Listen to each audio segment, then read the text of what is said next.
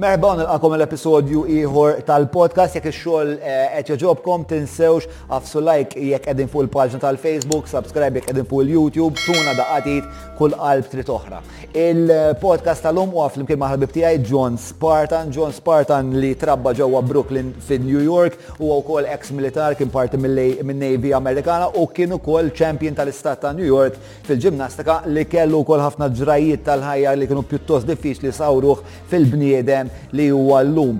Eh, Ma'ġon tkellimna fuq il-militar, il-paternità, tkellimna fuq il-ġinnastika, adolescenza fi New York li jena ma konna f'xej dwar u fil-fat minn hemmhekk nibtu bosta stejjer li weldu li sormi ma stiġu. Il-main sponsor ta' dan l-episodju huma nisan li bħalissa għandhom il-ġuk għal-bejħ għal 17,250 euro karozza b'sura moderna li minkejja eh, maqtu għahna għamil art mux ħażin xorta għanda dik is-sura kupe. Eh, Nisħa li mamra u koll b'teknoloġija avvanzata ħafna u fi xolom se sibu n-nies ta' zokkor li jgħinukom li jifmu kemm xolom u kemm fil-karozza. Jiena naf, għax għamilt nofsanar il-showroom u nisħaq li tal-lim tiktar fuq il-karozzi dakinhar mill-interita ta' ħajti kollha għal daqstant jekk qegħdin fissu għal-karozza morwatu titwila il-ġug. Tal-menab se nerġgħu nibdew bil-kalendarju tagħna ta' attivitajiet. Għal daqstant jekk tixtieq tkun aġġornat b'dak li dak kollu sejġ bil-menab kemm tibatulna email hello at menapmalta.com u minn hemmhekk aħna se naġġornakom hemm kalendarju sħiħ ta' attivitajiet li huma nof ġurnata, ġurnata, weekend, eċetera, għal daqstant hello at manupmalta.com biex nżommukom aġġornati. Ħajru kol l-likebs issa li ristoranti, il-bars, il-kazini kolla fetħu sarra ħrasek li ħankun eh, minn ta' uddim li mmur insibsija divertiment għal daqstant jekk se nixrob zgur se ninterpella leb ta' likebs biex wassal kem lilu kem il-mara eh, l-ura d-dar għawinu sħaħ. Likebs bħalma tafu jaslu fejk fl-inqas ħin u blinqas prezz. Nizlu leb. E, u jekk qed tfittxu bċejjex dekorattivi ta' kull xorta anke dawk infasla skont il-ħtiġijiet u l-bżonnijiet tagħkom qed nitkellem fuq e, mirja, lampshades, arloġi, vażuni, valletta, glass ilhom fis-suq 52 sena jagħmlu dawn ix-xorta ta' bċejjeġ dekorattivi ta' ħġieġ għal daqstant jew iżuruhom eh, di persona jew ankella tistgħu anka eh, tfittxuhom fuq is-social media fejn żguru ma' tegjati eh, f'dan il-video. Il-kumpanija Svediża Orange Man edha tajn l-bosta Maltin biex jaqtaw dak il-vizzju merri ta' tipip itlu ġewa orangeman.store biex taraw lażla vasta ta' għażliet li hemm biex wieħed jeleb dan il-vizzju skont il-bżonnijiet u il-preferenzi tagħkom huma għandhom il-prodott. Orange Mendo Store ta' bilħaq intom uħerġin tinsewx tikbu John Mallija caps eh, it-bitri biex tieħdu skont ta' 20% fuq l-ewwel ordnis.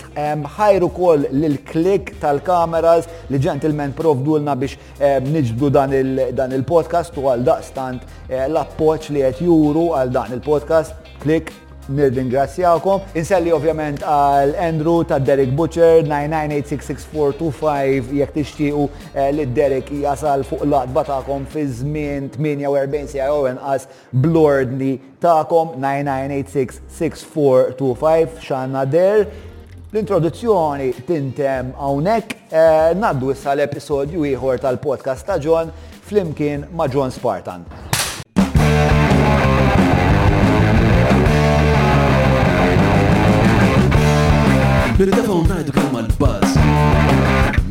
Min wahda neħbu t-nejn Min mux dwar xqadrednu Nistaqsu kifu xfatta u fejn Il-barra staġġar Fuq il-barra staġġar Mela, tlaqna. Uh, so, just a, a quick introduction of, of, I just want to let the audience know how you kind of came on my radar. Um, and that was, uh, you, you remember you used to organize those uh, like community workouts on a Sunday, On a and Sunday. they were free for Yeah, man. everyone in the area. Yeah, just get people fit. And uh, and obviously you had like such a huge commitment to it. Like it, it was never like if we are gonna meet at ten, you turn up at ten thirty, and maybe it was you know by the time we get there at ten, you have it all fleshed out. And used to also do it for the kids. So there was an adult session, Yep. and then and my kid used to come as well to the kids session. Yeah, man. And it was a time when I was fucking broke, man. I had nothing. So I didn't afford a gym. Bro, I didn't even know that. man. And uh, the fact that I could come to your workout and at least feel like I have some control over some stuff in my life. And your workouts are, you know, you have a reputation. They're they're they're, they're, they're difficult, and you have to bring the some I don't know something. You have to exercise some kind of demon at you to complete them. You have to embrace the suck. And yeah, yeah, yeah, yeah. And, and and you you wind up uh, learning how to struggle beautifully. Yeah, man. I, th- I think it's uh, it's it's it's bringing physical pain and and mental endurance. You know, like trying to build the body with the mind. Because Yeah. I believe that if you don't you don't have the mind, you're not gonna you're not gonna build the body. Yeah, and uh, anyway, I used to take, I used to, you know, I, I was I was very depressed and I was very low everywhere else in my life. But those workouts made me realize that, uh, bro, you still have something in yourself that can do difficult things. And then I kind of applied that mindset and attitude uh, across everything else I did in life. Um, and eventually uh, things things got better. So you were definitely you, along with Jordan Peterson, along with obviously my family and, and friends. But you are definitely uh, one of the cornerstones to uh, help me be where I'm at today, mentally and and and ov- and also like in a in a practical sense.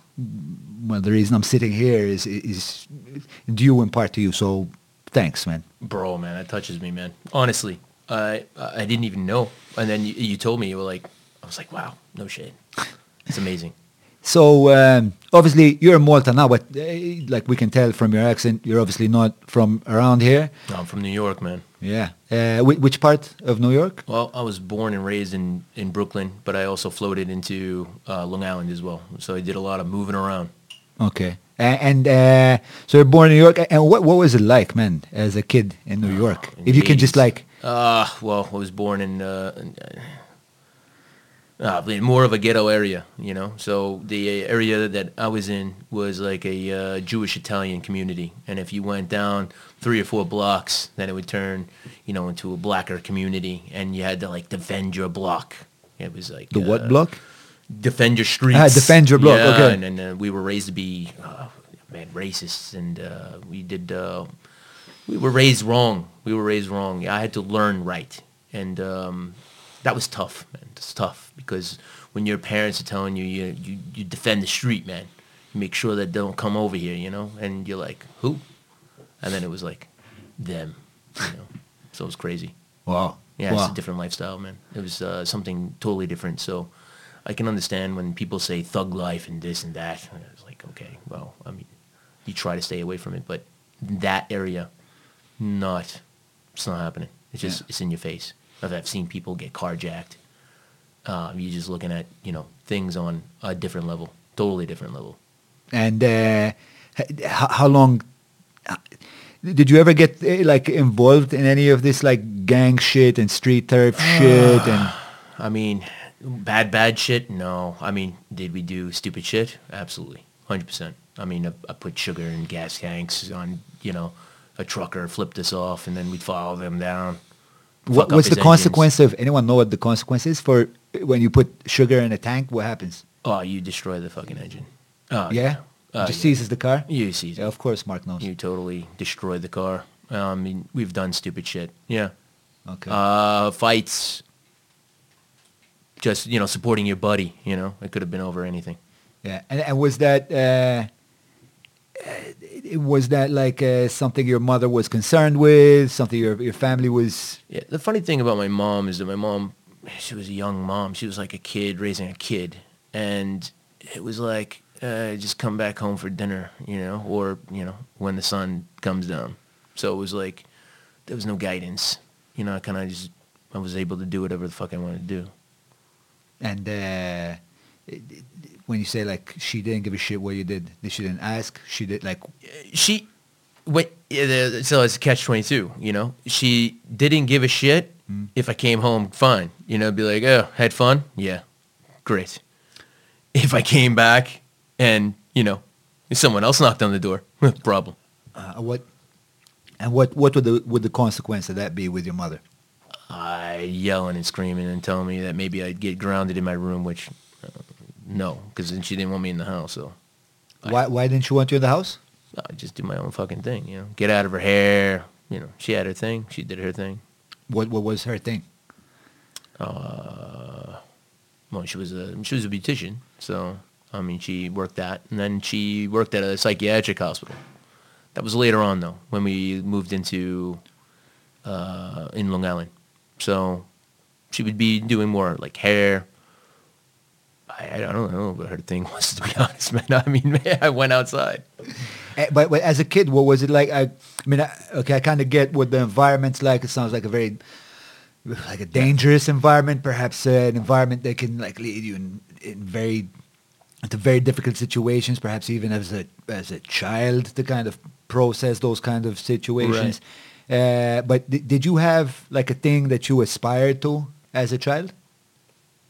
You know, I I, I, I moved into uh, a, a school uh, which uh, was my grandmother. Uh, when I moved in with my grandmother, I went to Smithtown, and Smithtown School had a uh, gymnastics program.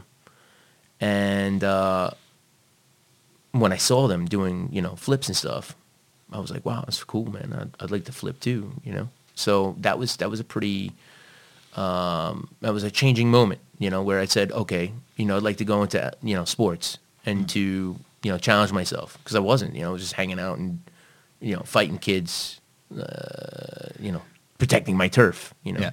uh, jumping roofs, you know, buildings. So in a way, we were already kind of athletic, but in a Yeah, Perhaps a more way. delinquent, oh, uh, delinquent, stupid idiots. You know, with two other guys, Big Mike and Little Mike, and it was me, John. So Big Mike, Little Mike, John, and we'd always hang around doing delinquent shit. And I moved to Long Island. I didn't have any friends. I was like, oh, walking around the school.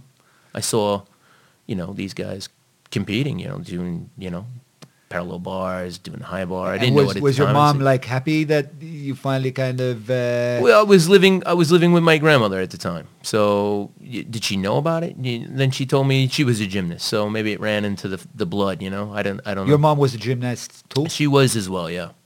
Okay. And uh, like uh, to what level was she doing gymnastics? She didn't get. She didn't get as high as I did in in level, but um, she she did well. You know, I think uh, she could do like back handsprings and. I mean, she was in the recreational side. I would say. You know, where I got more on the elite side. Okay. And uh, so uh, you, I'm getting that of course like your mom is the person that raised you mostly? Yeah, man, she was she was tough mom, you know, uh, tough as in man, tough as nails. I mean, uh, she'd be the type of person that would like if you double crossed her, man, she'd freak, man, just get on you. Very vindictive person. So if you hit her, uh, if you get to her nerves, she's gonna get on you, and it's like no holes bars, man. Okay. Yeah. And uh, that's what ultimately that's what ultimately crippled her is that when you when you push her man she'll go to the extreme. Did she become like a victim of her own ferociousness? man 100% yeah. Yeah that was that was sad to see that. Um you know there there were people in, in my family that didn't tell me you know your mom was a narcissist. And she was someone that was you know very aggressive. You know she used to when she was a kid she was like a tomboy. She used to beat up the boys that used to pick on my uh my aunts or her sister and she used to defend them you know because she didn't care you know? Um when she got older she kept that kind of behavior. And um, you know she found a fitting job you know like when um, paying the bills you know with the hair wasn't cutting it she became uh, you know a white coat. Back in the day you know they needed people to restrain you know uh, People at the psychiatric ward. people at the psychiatric wards. So she was that person Oh, know, okay. to go take people down So in, in a sense, like the toughness paid off in that sense. Yeah, I, maybe that it might have been the that might have been a precursor to her losing all of her mind. You know, I, I mean, she honestly she turned into a patient herself. You know, she was never admitted to what I, I don't know if she did or not because I, I had to excommunicate myself at one point in my time in my life. But uh, I, I to you know, unbeknownst to me, I, I I don't think that she's you know been in a psychiatric unit, but I think she could have. She's gone to that level. And it all started with my with my sister when the, when that issue happened. Then she she crumbled. Okay. Uh, okay. So, uh, how many siblings do you have? You have another two siblings, right? Like you So- had another so- two siblings. Yeah, so I have a brother and I have a sister. So Right. it was three of us, and there, I never referred to my brother as a half brother. Okay. You know, I was always raised to saying that that was my brother, and my sister being my sister, but they're from different fathers. Okay. You know, so my mom's been around. You know, I saw a lot of men coming in and out of the house. So for me, that was, you know, normal. It was normal to one day someone banged on the door, and then my mom tells me, "Hey, John, we've got to rent a U-Haul truck and move out tomorrow." And I was like a professional mover. I still, I can probably move you out in two days. Full house. and why? We Why, why? Why would you need to move? What would?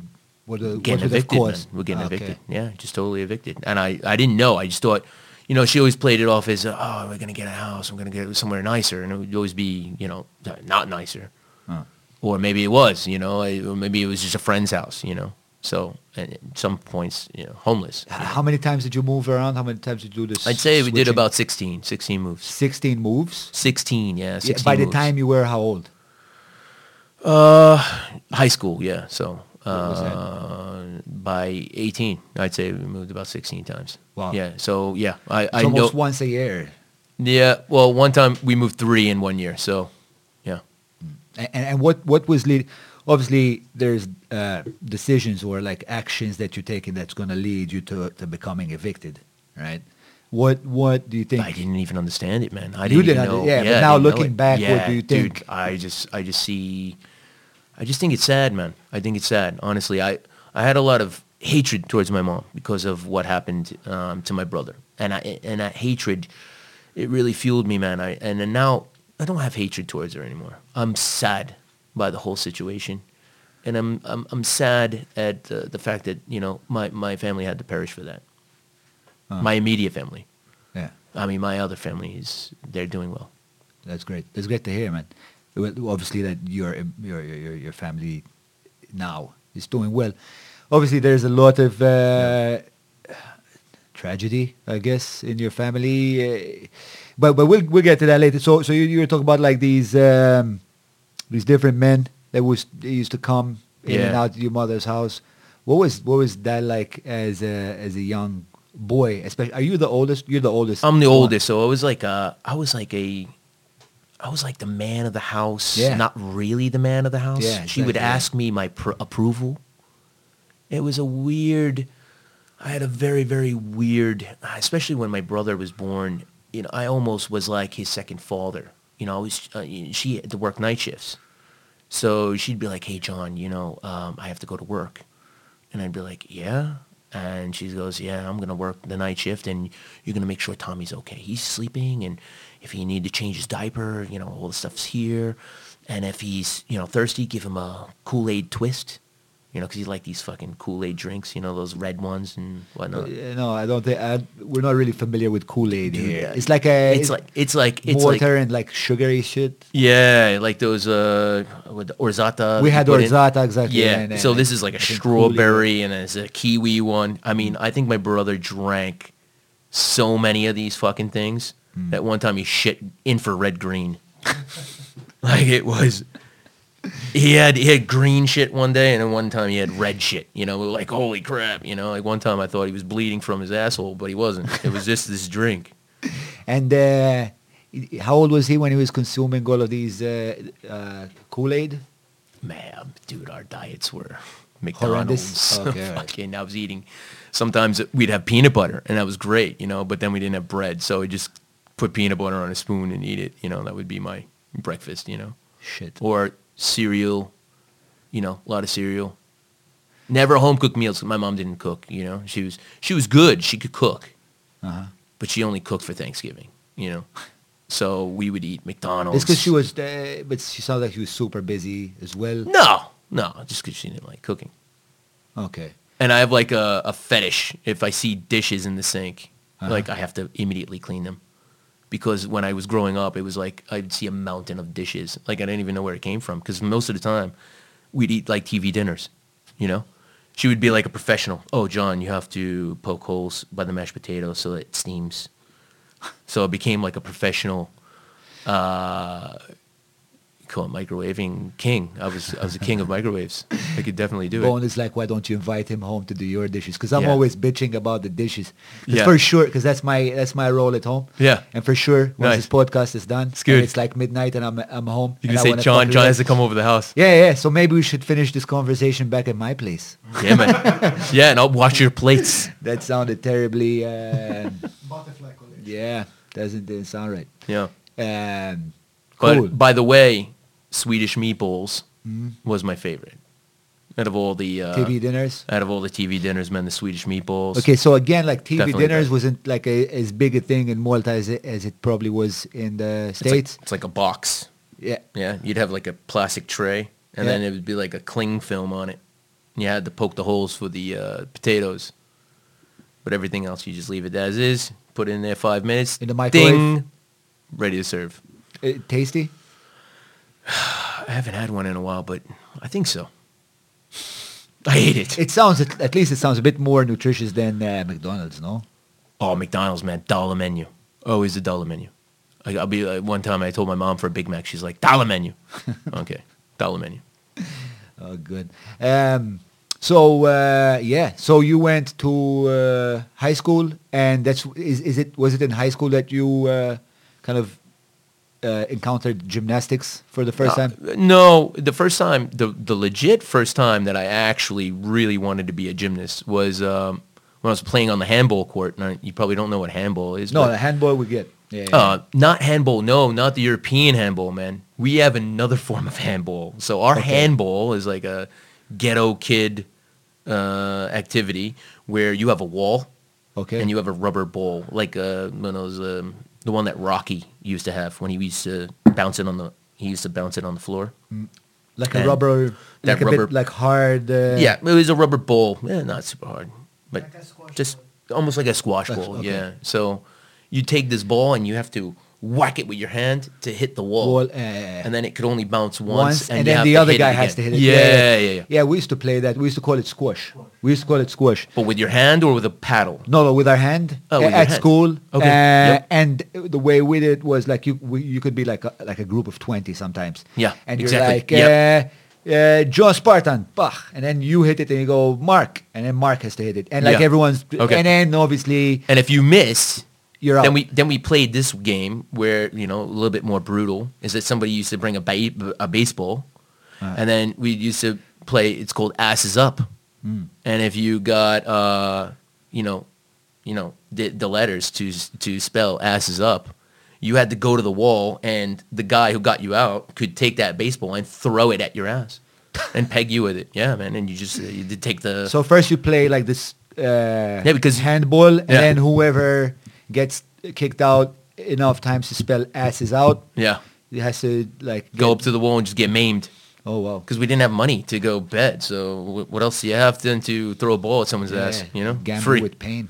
Gambled with pain. Gamble with pain is always. Yeah. Uh, it's always a legitimate option, I think, with uh, young boys. I think all the people from Brooklyn will be like, "Yeah, we used to play that game." yeah, we never played asses up. We did like uh, British bulldogs.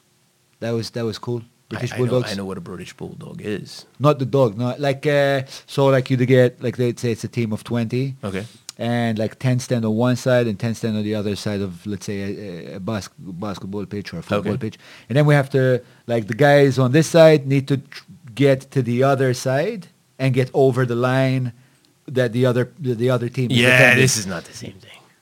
Yeah, they, yeah, they, yeah, they touch them. Yeah, to yeah no but they down. don't touch you no no in order to get you out they have to like it started out where you have to touch the person Yeah. and obviously then people are going like oh you didn't touch me and i went so then we kind of like had to escalate to defcon one Yeah. eventually Where you could tackle them. where you have to like pick them up and like body slam them Oh, like that it's sounds like my game. WWF yeah, Yeah, yeah, Totally, awesome. totally your game bro Yeah, another thing. Yeah, we yeah, lo- I, I grew up on WWF. I loved it.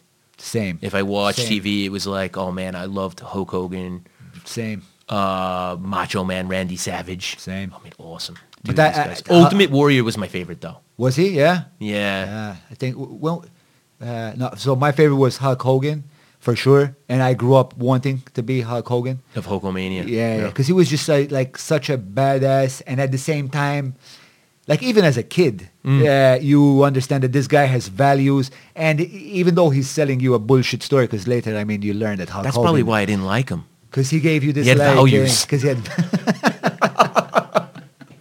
uh, potentially. Hulk's gonna listen to this and say, "Fuck this guy, man." Yeah, if Hulk's listening, man, uh, it's an open invitation, bro. I like him now. I like you now, Hulk.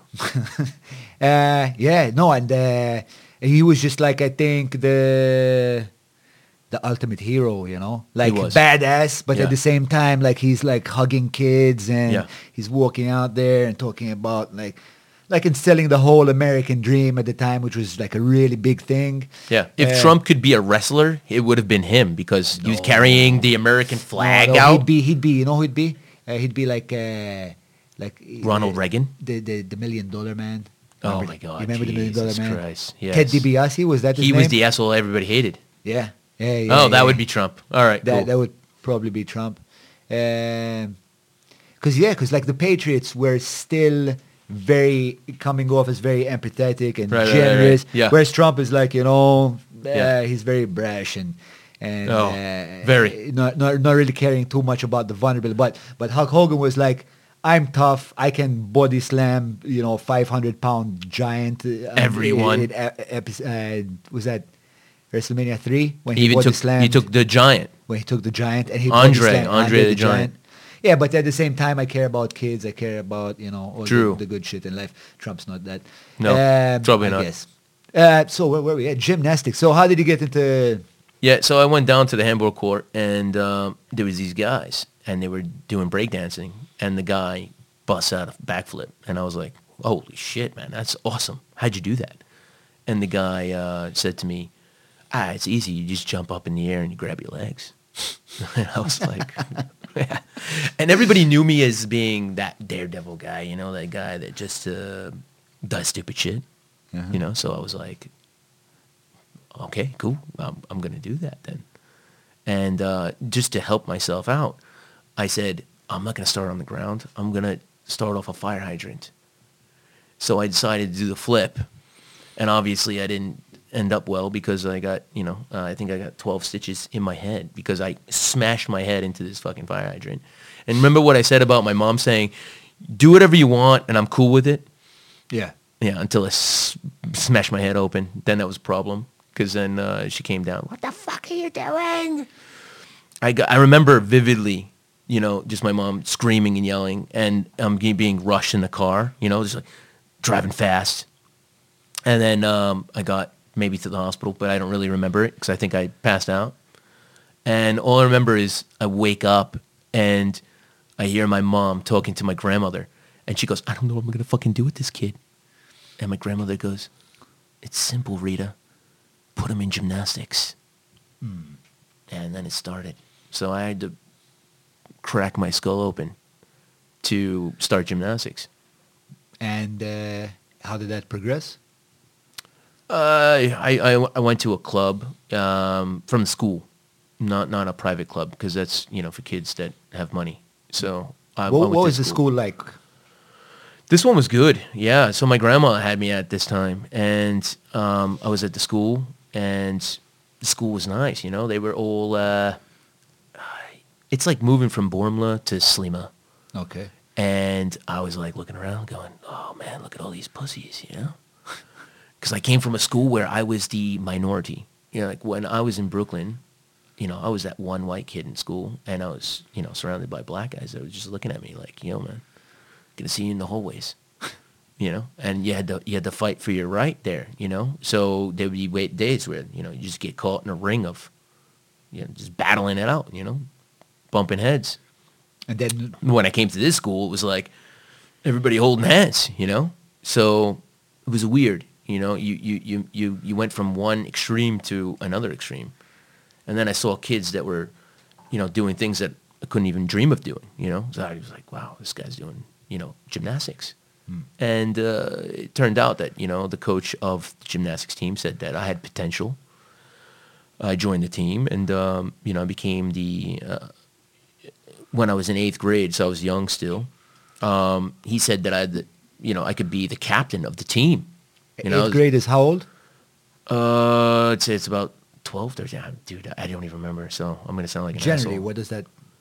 I would say teenager. Oh, young. Early young teens. Early teens, yeah. Early teens. And I said, uh, Uh, what? What? Uh, why do you think the coach said that you'd be? Uh, you had potential. What? I just learned shit fast. Okay. You know, uh, it just came quick. I was like, bam, back handspring. I learned it. You know, it took me. I mean, uh, as a coach in gymnastics, I've coached gymnastics for nearly 25 years. It's incredible how many kids that I've actually taught gymnastics. And there's only like maybe two kids that I've ever came across that probably learned a back handspring as fast as I did. I just had a lot of determination, you know, um, to learn a back handspring. All right, I was afraid What- of what's a backhand spring? it's when you're standing on the ground and you throw yourself back to your hands and you flip over, but you land on your hands. Okay. And literally not knowing that move, you are afraid. And I said, okay, well, um, I'm just afraid of breaking my neck. So what did I do? I took a panel mat and I took another mat and I said, I'm going to do it on this mat and I'm just going to keep going and going and going. And they say, John, you know, usually people spot you for this, you know, this movement, and you don't use these thick mats. You go on a lighter mat. And I said, yeah, but the coach isn't here to spot me. I want to continue to do it on my own because I want to just keep on making the move, making the move, making the move. And they said, but it's going to be impossible for you to throw a back handspring on this mat. And I said, no, it's not. I will do one on this mat. And when I do it on the mat and I feel comfortable, I'm going to go on the small mat that you go on and I'm going to do a back handspring. And what makes the thicker mat? uh, Because when you jump, you, you absorb all your energy into the mat. So you're not really getting that full jump. So ah, it's, it's like way harder. squatting on a cushion, kind of. No, it's like jumping in the sand. Oh, okay. Ah, so it's far harder. far harder. Yeah. Okay. So they were like laughing at me, going, "John, y- you're counterproductive. You need to have somebody spot you." And you, I said, Yeah, but the difference is then after you've been, let's say, running in the sand for an afternoon, and then you run in the tarmac, it's like "That's the point. Is that when like I so threw light. it and I got comfortable on that mat and I did a back handspring, I would always land on my head. I was landing on my head. I was landing on my head. I was landing on my head. So the fear just, just started to diminish. Where I was like, "Okay, I've been landing on my head, and I threw this thing a million times." And I said, "Okay, a million and one. It clicked, and I said, "Oh shit." Now I'm going to go onto the floor. Mm-hmm. When I learned the back handspring, the coaches were like, wow. dude, I only, I only showed it to you once.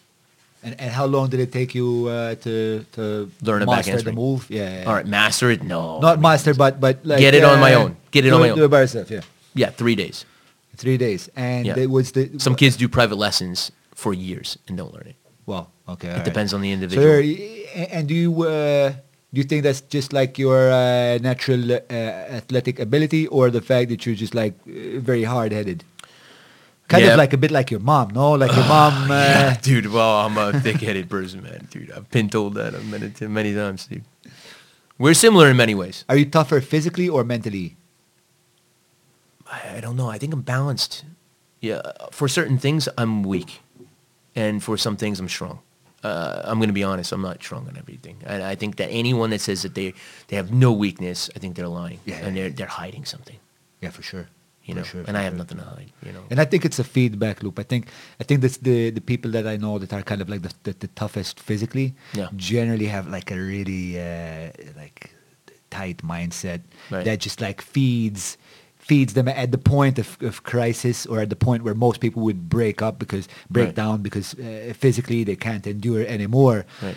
The, that's when their mind shifts in and it's no longer like a, a muscular uh, endeavor, but it's now kind of like transcended all fatigue, all all explosive energy. You're just like going through the motions, uh, kind of like uh, on some other fuel that's not uh, that's not your muscles.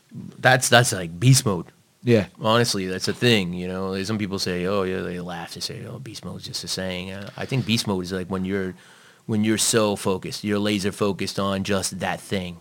Yeah. That's why when some, you know, not to call out any yoga people, but you know what I hate about yoga?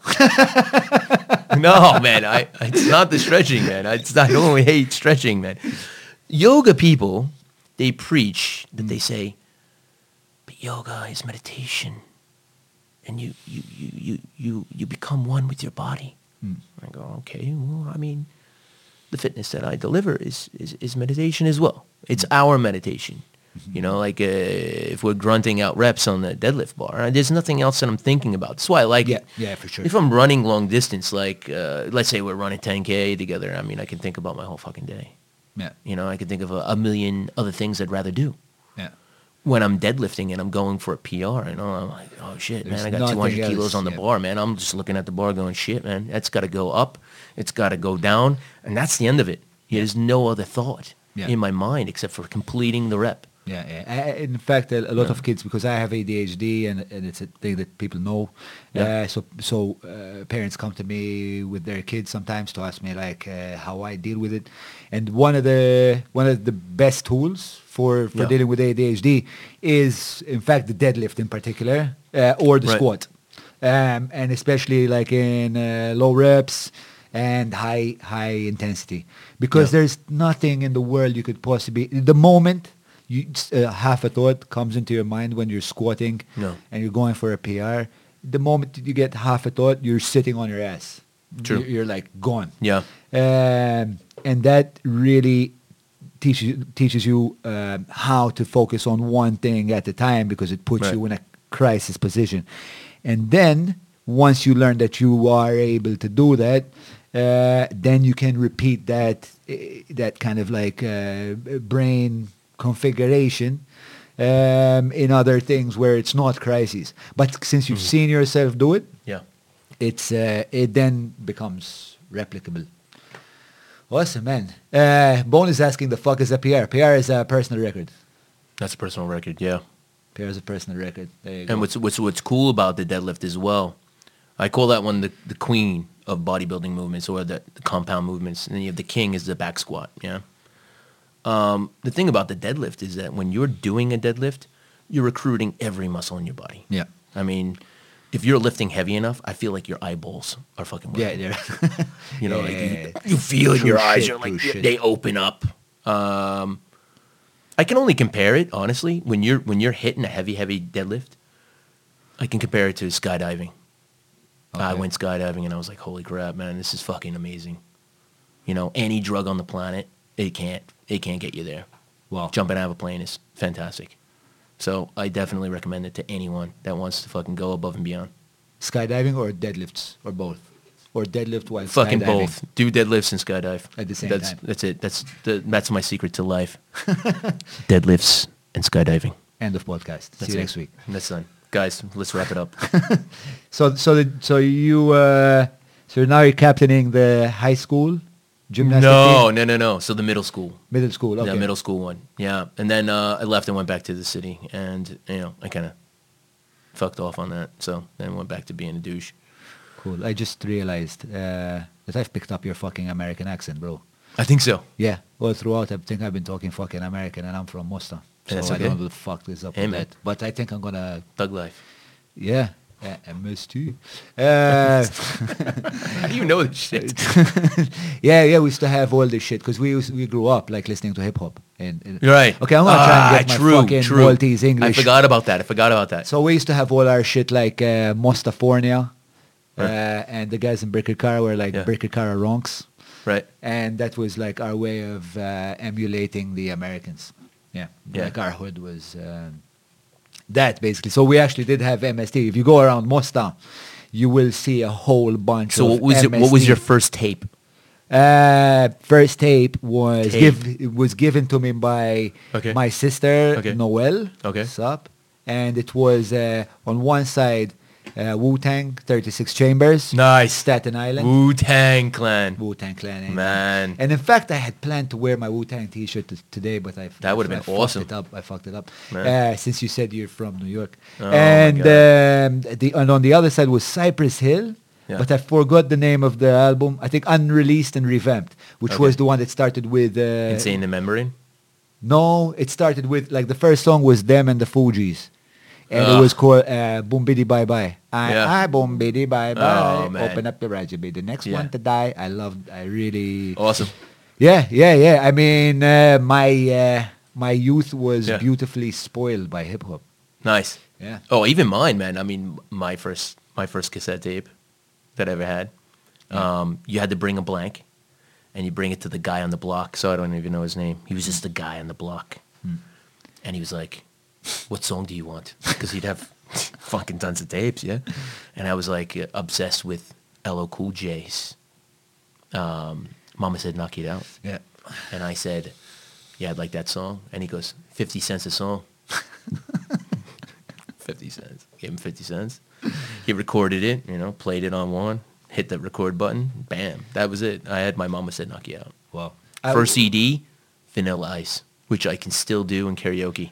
Oh. Yeah, which is Uh, terrible. I mean, it's, is- it's yeah. almost a shameful thing. I don't know. I think we're gonna have to. Uh, yeah, yeah. No, I can sing it. Please don't. No, definitely won't. we're, we're passing now. Uh, no, we had in Mosta we had this place called Black Toe. Inti naħseb ma laħaqtux u Black Toe. Black Toe was um, When you well, get frostbite. uh, yeah, Black Toe's when you get frostbite, but also it was this guy who was like a, a weddings mobile DJ, Oh, but he had a shop in Mosta, and you used to go to him with a list. Uh, Oh, wow. It wasn't as near as dodgy as you. He used to just like turn up Totally with a list, and somehow he had access to all the songs. And then he used to feel himself to be somewhat of a curator. So if you said like you wanted, uh, I don't know, Method Man, uh, Bring the Pain, and he didn't have that, and he'd be like, uh, I didn't have that, so instead I gave you something really fucked up, like uh, I don't know, U2 or or Two Unlimited. U2 is not that fucked Two up. Unlimited. Two Unlimited, like they're they Oh, they have a black guy in there, and I think Yeah. she's half black, so And I think it's like not even this. it's not even nearly close. No, it's Yeah. like uh, no, No. no limits can reach for the sky. Oh man. but I she remember- was fit, huh? She was alright. That's probably that's probably the only thing that was good about the band. And Yeah, yeah. if you yeah, could even call that a band, that was Yeah, it was and when the techno song music. stopped was amazing as well. Like right at the end. yeah, yeah, yeah. Shamefully, I, I I have listened to these things. Yes. I went through my phases. I've uh, I've went through even like almost like a like a gothic like uh, look. God phase, yeah. It wasn't gothic. You know what it was, I, dude? I don't even know what it was. I, don't, I used to wear JNCOs, What? JNCO pants, man. They were like Janko pants. You know what Bone's gonna pull up bell-bottoms are? Yes. d- these things were like fucking pipe pants.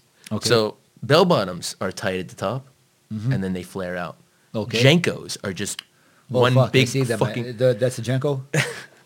That's a fucking You used to walk man. around with that? dude. and I used to walk around with a part in the middle of my head. Okay. Right, because John Connor had it from uh, from Terminator. You remember John Connor? so I thought that that was a cool haircut. So John my Connor mom the, did the, the, the haircut child? for me. The child? The child. Okay. So my mom did her version of what John Connor looks like, and I walked around school getting called pussy head because it looked like an 80s vagina, apparently. A lady's vagina. Oh, 80s, 80s. Uh, well, how, how does an 80s vagina differ from a With hair, um, with hair. Ah, okay. Full on. Yeah, because that fell out of um, fell Yeah. out of fashion, right? Is it back in fashion? I, I don't think. There's uh, the bush maybe maybe minimal hair, like maybe the landing strip, Yeah, yeah, like a like a a little strip line, or maybe with an arrow, runway. Uh, yeah, or you could put like initials. in it, or like a like a floral design. Christmas, Christmas tree. Yeah, You can do these things. Uh, it has to be just grunge, not full on hair. Yes, it has to have uh, purpose. But my hair, my hair looked like a full on bush. okay, Yeah, it was pretty bad. all right. Um, I think I look better now. No, I know. Wh- If I had a picture, man, you'd be like, "Holy yeah, yeah, you, you should send us a picture. and We can get like a small insert. And uh, Yeah. Bo- Bone is what, what's what's up, Bone? Move on. Bone, Bone, Bone doesn't like talking about vaginas for some reason. I don't know. Why is that, Bone? Why do uh, vaginas make you uncomfortable? Okay, Bone's not replying. Okay, um, so uh, gymnastics. Uh, yeah. So, yeah, so d- d- d- you didn't have like, because you were uh, obviously evidently like a street kid, and like when you see gymnasts, Yeah. obviously like this is not me shitting on gymnasts because gymnasts are like the most incredibly strong people I know. oh, I know out. what you're gonna say. I know Like you're gonna say before you said it. Ready? You're gonna say, but Mm. aren't they kind of, Sorry, aren't they kind of ladylike? I was gonna say leotard, but Yeah, leotard. because I'm uh, That also gets coupled with a couple of choice words that we can't say anymore. No, we uh, we Yeah. will refrain. Yeah. from so, impinging so with that being said, the wrestlers used to say shit like that, and I would say, "But you're in a singlet, man. yeah, At least I put on pants." but at least it's two men Like with the with the wrestling each other. that sounds a if little you bit. put it that way. You know, I, I said, dude, I mean, uh, honestly, I'm, I'm on my own on the floor. I'm on my own on the parallel bars. I'm on my own on the high bar. You guys are together in a singlet. Yeah. So what are you talking about, mate? Yeah, and I guess that's why, like uh, Roman Greco wrestling is probably not that popular, and why like and you know what they do in Rome more- back in those days? Yeah, yeah, they were Roman. All They were, they were Roman all kinds of things. man. areas. Yeah, maybe that's why wrestling was popular back then. Okay. Now, Yeah. now it's BJJ, yeah. So BJJ Brazilian Jiu-Jitsu, yeah. I mean, uh, nobody talks about wrestling anymore. True, but apparently, uh, like if a wrestler starts uh, doing BJJ, apparently it's like the ultimate weapon. Yeah. Well, he's he's different. He's got a different weapon, you know, that he's. Uh, Bones like BJJ question mark question mark question mark, bro. It's all me and Mark fucking talk about. Jiu-jitsu, Yeah. Brazilian jiu-jitsu. you got to get with the program, man. Ma morto mill Yes, I know. From gymnastics, from one sport to another. So okay, back to gymnastics and back, Back to So you gymnastics. didn't get any of this like I'm not wearing a leotard shit. No, yeah, I did. I got it. I got it. In fact, I got two different things. So when I went from the hard school to the light school, the hard school, they didn't talk shit about you. They didn't make fun of you. You know, they just came up to you and were like, yo, we're going to fucking throw down. The light school was all like, well, let's make fun of people. Yeah. You know, so my real last name, I'm not Spartan, by the way. Uh, my real last name is Cogswell. Okay. Um, I, I created this name not to be harder or anything, but given the fact of my family and, and what had happened, uh, it's not that I didn't feel comfortable. I said, okay, I'm going to be a personal trainer. I'm going to you know just put out something that's you know more unique to that, and you know my name doesn't need to be out there. I don't need to uh, throw out my actual name. It's not that I'm not I'm ashamed of it. At one point, I was, you know, and maybe that was me hiding, you know, who I was. But uh, I'm not afraid to tell people who I am. My my name is really Cogswell, and I got a lot of shit for that fucking name. Why? Man, they they just they they found ways to like twist my fucking name. Uh, Yeah, so instead of Cogswell, then it was um, Coxwell. Yeah, and, and actually Bone just wrote, Yeah. wrote it up on it's probably he's like it's probably Yeah. Coxwell. So But then I would- Coxwell like a porn star name. So, yeah, like, yeah, so- like I know John, John Yeah. Coxwell. Isn't that like So I used really to, I, good at yeah. So I used to actually, you know, spin it around, and that was good because I used to say, "Yeah, my cock's swelling in your mum," you know, and that would, and then and then we fight, you know, and that was okay with me because I was okay with fighting. uh, Um, but then they became more creative with my name, and then I couldn't get away from it, and this was the ultimate, and it killed me. They called me cock smell. and I was like, fuck. well, now, now I'm fucked. There's no real way around this one. When that circulated, I was like, oh, well, um, yeah. what do you do? Yeah. Now you have to say, uh, you know, that's when my grandmother had that saying, you know, sticks and stones will break your bones, but words, they'll never hurt you. And I was like, yeah, but I want to fucking kill them. And she was like, no, John, you have to be justified in what you do. Now, if they touch you, it's a different story. And then I'll back you all the way. So I'd always make them touch me. So I found a way to do that. I'd be like, oh, if I'm a cocksmill, why don't you put your hands on me, boy? And then they put their hands on me, and then I had the justification. It could be even a finger tap. My grandmother said, if somebody touches you and you don't like it, it's okay. They put their hands on you first. Yeah. So it always, a- so it always get in the face and be like, what you gonna do, boy? yeah, and if, like they're gonna push you or something. Oh yeah, yeah, just yeah. Like you just do that with your hands behind your back. even if they're give it to even if they're concerned that you're gonna attack them, they're gonna be like, hey.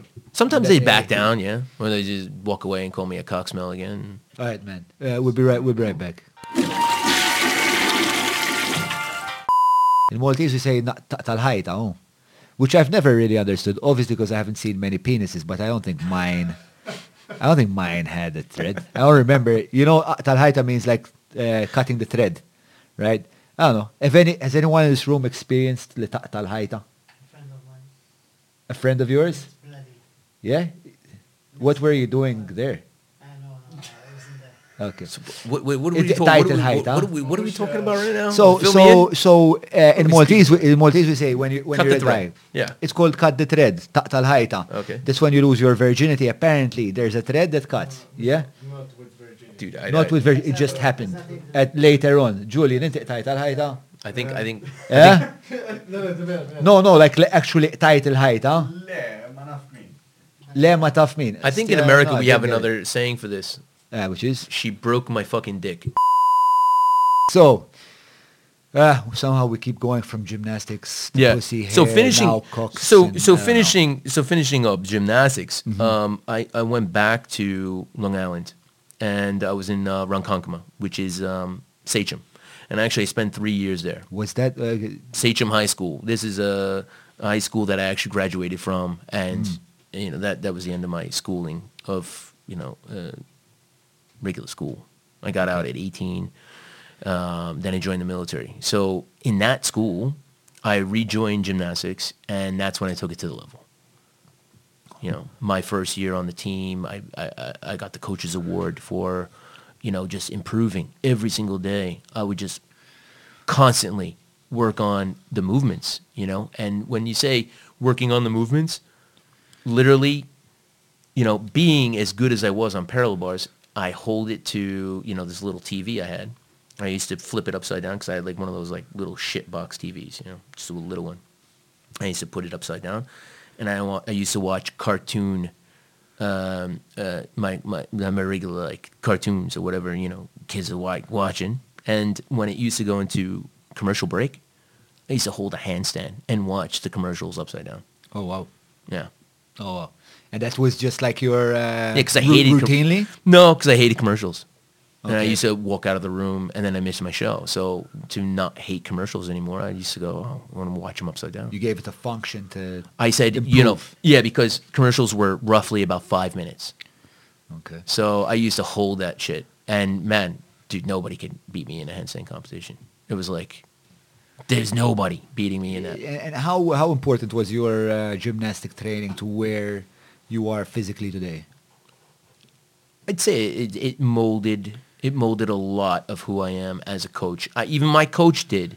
He's a little bit more brutal than I am. So I mean, dude, if you think I'm brutal, Ken Freeheim, he's the real, he's a real brutal dude, man. It doesn't get more brutal than that guy. What what's uh, what's up with with uh, Ken Freeheim? Ken Freeheim, yeah, Yeah. he expected hundred percent, and if you didn't give it to him, he'd just go, "Okay, I'm gonna go look at the next guy now." Which meant what? Well, he'd say, "Fuck you," you know, you're not, you're not, you're not performing, you're not doing it. Then I go to the guy that's gonna perform. He's like, "Show me something. If you got it, you got it. You're gonna give me excuses. I'm gonna go to the next guy." So you always gave, he always gave everybody their chance. He'll walk up to you and he'll say, "What, what are we working on? We're gonna work on this." Okay, great. All right, Let's You- see it. You're working on it. Let me see it. He'd say, "Okay, you got to fix this and this." If you did it and you did it wrong, he would say it again. I would need you to pop out of that back handspring and you need to straighten out for that layout.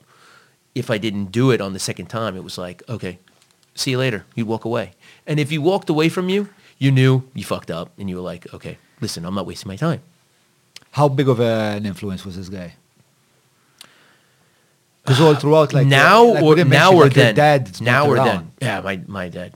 oh, my The dad. dad's- My dad abandoned my mom, so my mom had to make a serious choice Yeah. uh, to either have me or abort me because he wanted he wanted my mom to abort me. So. We'll, we'll get to your dad in a Yeah. bit, just co- so because we keep losing the train of thought on the gymnastics. Let's let's get the gymnastics down. Uh, and this Ken guy was he a bit like a father figure or an older brother, or how did you how did you perceive him? At So- what, like sixteen? Yeah. When 16, um, how did I perceive him? I perceived him as... Uh, They're he telling me was- my he hair's was- fucked up. My hair's fucked up. He was... Uh, no, my hair's okay. He was, um, he was like a god. Oh God. A god. So like a yeah, you came there and it was like you, you pay homage to this guy. why? It- it just- That's how he rolled, man. I mean, he was an untouchable dude. He was an old man. Um, he How old? had his tenure, so, you know, he, he was... Dude, nobody could touch him. How old? How old was this guy? Uh, at the time, I think he was probably early 70s. Early seventies, and uh, and he was still sounds like feared. Feared, man. He was feared at seventy No, years old. just, so uh, he like, looked like a salty seaman. He just looked like a. He had those wrinkle lines, man. He just look at you, and if he he squinched like this, he'd turn into like one big wrinkle. and you just look at him, and you just be like, "Oh my god, this guy!" And what was your relationship with uh, And he God chew his like? gum like this. All right, gentlemen. Even that, that that sound, it just brings goosebumps from him. You know what I'm saying? Sounds like. Uh, It's like, let's get to work. And it's like, all right. And he said, let's get to work. That means, all right. So that means we got to set up the gym. You had to set up the gym. You had to roll out the floor, you know, because half the gymnasium was being taken over by equipment. The other half has to be for the gym. So we had to pack up and roll out every single day. And man, did we do it efficiently as a team. Always rolled out the mat. Always set up the bars. And we just were a group. it, it just sounds like uh, a- it just sounds like a group where a lot of people like with a big turnover of people where like people are coming in and out because like they don't like people can't hack it Some people were, yeah. There were a lot of in and outs. Yeah, but no, he didn't do that either. Listen, if somebody how do you get into uh, uh, what's his name? Ken? Ken Freon, ken ken how do you get into ken's group? Is that like the team or the high school team or? Well, how I got in was uh, I came up to, I came up to a teacher and I said, "Wow, I want to, I want to do this," and she's like, "Oh, well, you know, it's season now, so they're trying out." I came up to Ken, and um, Ken looked at me and uh, said, "What you want?" And I said, "Oh, I'd like to, you know, start this." He goes, "You know what you're doing?" And I said, uh, I did a little bit of gymnastics in another school. He goes, all right, come down tomorrow. He gave me a time. I came down there, and then he said, uh, "Did I didn't know shit, and I had a lot of work, but you'll be on the team, uh, but not on the team." And I was like, "The fuck does that mean?" so what that meant was, um, the gymnasts that are good, they compete and Yeah. they represent the the The school. the school. And if you're not good, you kind of like in the bleachers, like but you're allowed to train holding signs saying "Do good." so I was one of those guys for the first year. but you are allowed to practice with these guys hundred percent, yes, yes. which is vital if you want to become vital, man. In that first year, And was he like a like like how many people were actually not that good, but still came to training, and Ken was still allowing them to train, and he was still training. oh. I would say eighty percent of the people. oh, okay. Yeah, you you had uh, like your infantrymen, and then you had your Navy SEAL team. Okay. And, the then- SEAL team was the one that was putting the points up. Yeah, and- But and these guys of the infantry, uh, infantry guys, th- these guys set the tone. So in the beginning, you'd have your not so good guys, and then you end with your best guys. Okay. So if the guys that aren't so good are good, they're setting the tone and, and, and the scoring process for the judges. So if you can get those not so good guys uh-huh. are giving the points up, Mhm. your next guy is getting a higher point. You know, it just it worked better as if everybody was good to some degree, and it progressively got better. So so what made this Ken brutal? Because you said he was like full on. Okay, so you know, strength training sessions were brutal. Uh, the training, he wasn't brutal as in he'll yell. He would yell at you, but that was almost like a joke. Joan, Joan. Sometimes he'd call me Joan, and I think he's calling my buddy because my best friend was Sean. So I'd always think he's calling fucking Sean, man. So I wouldn't answer him, and he'd always come up, "What the fuck?" And I'm like, "Oh, you calling Sean or John, man?" You know, so, uh, so I didn't get that, but he, you know, everybody would laugh. That was like the joking area, you know. And uh, we always trained to d- oldies, so like you know, Frank Sinatra. I mean, crazy shit, man. We didn't even listen to rock or rap. No, man, it was oldies or nothing. Wow. So, it's So- like my way while you're trying to work. oh yeah, man, out. totally, dude. It had to be Ken's way, or it was no way. Okay. Um, but he was brutal in the fact that um, that people were seriously getting injured. okay.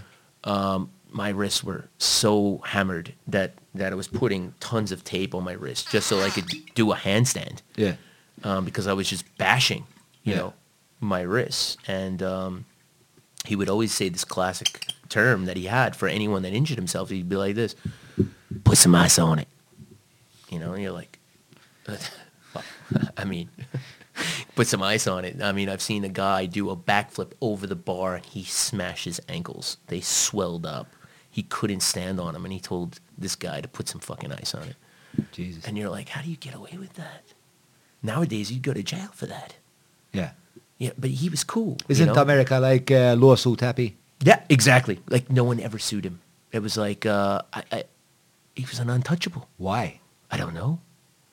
It still buckles my mind. You know, there are people that are running through parking lots, throwing themselves in front of cars so they could sue people Yeah. in America. Yeah, yeah, or they aware. trip in Walmart and they'll sue Walmart. Yeah. This guy legitimately damaged people and never was sued. Because parents would be like, yeah, my son's a cunt. like, no, But he had did- an accident, seriously. was he like uh, he was he like the coach that could get you to the nationals? Was yeah, he yeah. he coached. was he guy? Yeah, he coached my my my coach from so parallel people don't want to fuck up that relationship in case in the future. Maybe, that's what it is. I mean, he only he only brought two people to serious serious high lengths, and I mean, he always he's the hometown boy. I mean, he he he always brought the team to win uh, state championships, Mm. county championships. Uh, it just it happened. Yeah. You know, we always won. State champion, which is a big thing. Yeah. So uh, when we state went to New York State, right? New York State. How big is New York State? It's How- massive. Yeah, like how many? What's the population? uh, dude, I don't know this. Like You have to talk to a uh, smart guy wait, wait, no, bone, bone. We, we, we can talk to Google, man. We don't need All to know shit. great. That's uh, the amazing world of the internet. Yeah. Uh, but that's uh, so population is 20 million. So that's 20 like uh, 40 times the size of our island, basically population wise. There you go. Yeah. So that's yeah. That's uh, for, for for anyone to become the champion of that many people. Is and he just delivered, man. He just delivered. So any school that went against us, they would just uh, bow their head and be like, "Okay, we're gonna we're gonna be beaten. It's okay. We're here. We showed up to lose." against you guys. Oh yeah, they knew that they were gonna lose. Okay. And how how uh, did you eventually make it to the To the- main team? Yeah, man. Yeah, yeah, yeah. I made varsity in my last year. Um, Okay. did Again, what's varsity? Because that's varsity like level. I've heard man. that on We Beverly there. Hills 90210 like 20 years ago, but Yeah. I'm not really sure what. Yeah, so you know, we we got the the letter. You know, you got you, you know, you're on the team and you're the real deal. Okay. But I was a specialist. I wasn't all around guy. I didn't do all the all the apparatus. So I did uh, focused on uh, rings, Uh huh. uh, parallel bars, and Okay. floor. Rings, parallel bar, and, floor. floor, yeah. And and how did you do? On parallel bars, man, just untouchable. Really good. Floor, mm, not the best, but uh, I hung in there. And- And, rings, another good one. I, I was second on the team. The first guy who was the best, Uh huh. he won the uh, in the the U.S. Cup. So another great, and that's the brother of the guy, Chris. And Chris Lamort was the guy who won the Goodwill Games, 1998. Okay. He just Serious beat- stuff. He just blew, you know, the walls off. You know, everybody was like, "Who is this guy?"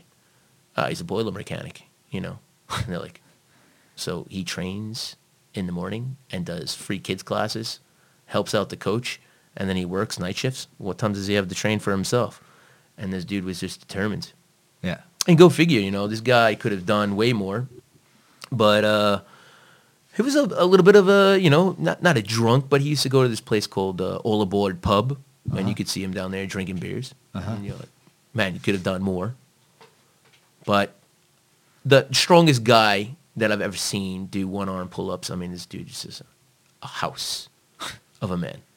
And he was the one that really got me into parallel bars and, you know, forced me on the rings because I was good friends with his brother, which was Eric. And what was your your best achievement uh, in Yeah. gymnastics? What was that? Parallel bars. Yeah, winning first. Yeah. Winning Was- first at what? Yeah. Parallel bars. yeah, but in Doing what? the in event. what? Uh, yeah, we went states. So you won the states. Yeah. Okay. We right. did. As a whole team, we came together winning states. And then there are people that can win in certain events, And you won at the parallel bars. parallel bars. Wow. Okay. Cool, man. As I said, man, like the, the like what I thought of gymnastics probably before I met you uh, was like I never really watched gymnastics. I thought uh, Hmm. it was like the, like the floor thing was like something my sister would like to watch or something like that. Hmm. But then when I met you, and then I started to understand like uh, the how tough you have to be, Man. and uh, like uh, the then I was like looking into like the insane amount of hours of training. Hours, man. we did four, four hours a day. Jesus. And it's intense. to go back to go back to Ken Freeheim and what he did and how brutal he was is that one guy was running full speed down the runway to do vault, which is something that I didn't progress in, so I didn't do it. And this guy James just hits the vault, boom, just hits it, And the coach was like, ah, damn it. Walk it off, James. Walk it off. And he looked at the coach and was like, coach, I'm, I really got a, a pain right here. And he grabbed his side. And I'll never forget it. He told him, just do, do laps around the gym. Walk it off. And um, he did two laps around the gym. I mean, limping. And all of a sudden he collapsed and we ran over to him and we realized that it was serious. Um, this guy went to the hospital. They did an emergency uh, operation and he found out that this guy had uh, ruptured his spleen. Oh, So, I mean, he went from uh, being an athletic kid to being uh, a worthless stick. And Dee's parents didn't sue him either. And it was like, that's incredible. I, it, uh, it, we didn't get it, and it, it never connected. We never, uh, like nowadays, you'd be like, oh, don't be associated with this person, and then you leave the team. We didn't leave the team. yeah, Nobody left the team. It was like, just do your fucking work, yeah. you know. And we feel bad for him, and we'll go see him in hospital. But You at know, the we were same always time, there. you were ambitious, and you wanted to win. Yeah, yeah. I mean, no, not only just win. I mean, it what was easy. what was it, giving easy. you? It What was, the, the experience giving you? Now that you look back, because it feels like uh, probably there's a sense of community as well, like a family. Yeah, you like you knew who you know the people that were going to give you some problems. You know, as in technique, technical wise, you'd be like, okay, this guy's going to be really good. We got to beat him. Got to stick our landings. You got to know that if you don't stick the landing, you're going to lose points, and you want to make sure that your points are counting enough to Yeah, ultimately win. No, but my question is, um, Oh, what did I take what, home? What what what what makes you uh, kind of like stay the course, like endure? Because obviously this guy is like a, a military Ken, drill sergeant. Yeah, but Ken, Ken was uh, you needed to impress this guy. Like you, You came wanted to- in, okay. you came in. He was like he was like my fucking dad, man. That's what I thought. Yeah, you yeah, know, you like you looked at him, and he, if he looked away from you, it was like you, you, you. I was ashamed of myself. you were forsaken by your father almost. I'm forsaken by my father. I didn't have a father, so Exactly. Yeah. uh, I think uh, any man that was in my life, I tried to have that. I, I tried to foster that. Yeah. It's uh, weird. Yeah. That's uh, and that's dangerous. Could be dangerous. That Yeah. Could I mean, I think everybody did, you know, so everyone that had a dad, because I think I was the only one that didn't have a dad, because, I mean, we're talking about suburban life, you know, everybody had a dad. Um, I think everybody was in that same boat of, that's your second dad. yeah. And it was like, what he says is, is, is almighty rule. Yeah. It's like Muhammad coming down from the, the hill with the, uh, the, from the mountain with the commandments. That's uh, Moses, bro. Oh, this is the fucking whiskey, man. What the fuck? That Don't- is don't, Moses. Don't blame your theological redaction, deficiencies redaction. on. Uh, Moses, Moses did come down with We'll the. walk that one back. Yeah. Holy shit! Um, Yeah, so he was Moses. all right. So after that um, theological backflip, uh, where was your mom in the meantime? Mom didn't come to too many meets, to be honest. She came to states ones, county, county meets, you know, big ones, important ones. But grandma was always there. Uh, She was always the embarrassing, almost mom. You know, she'd always go like this, "Get him, Big John." She called me Big John, so Uh, that's my that was my nickname there. That's so nice, her. man. Big John.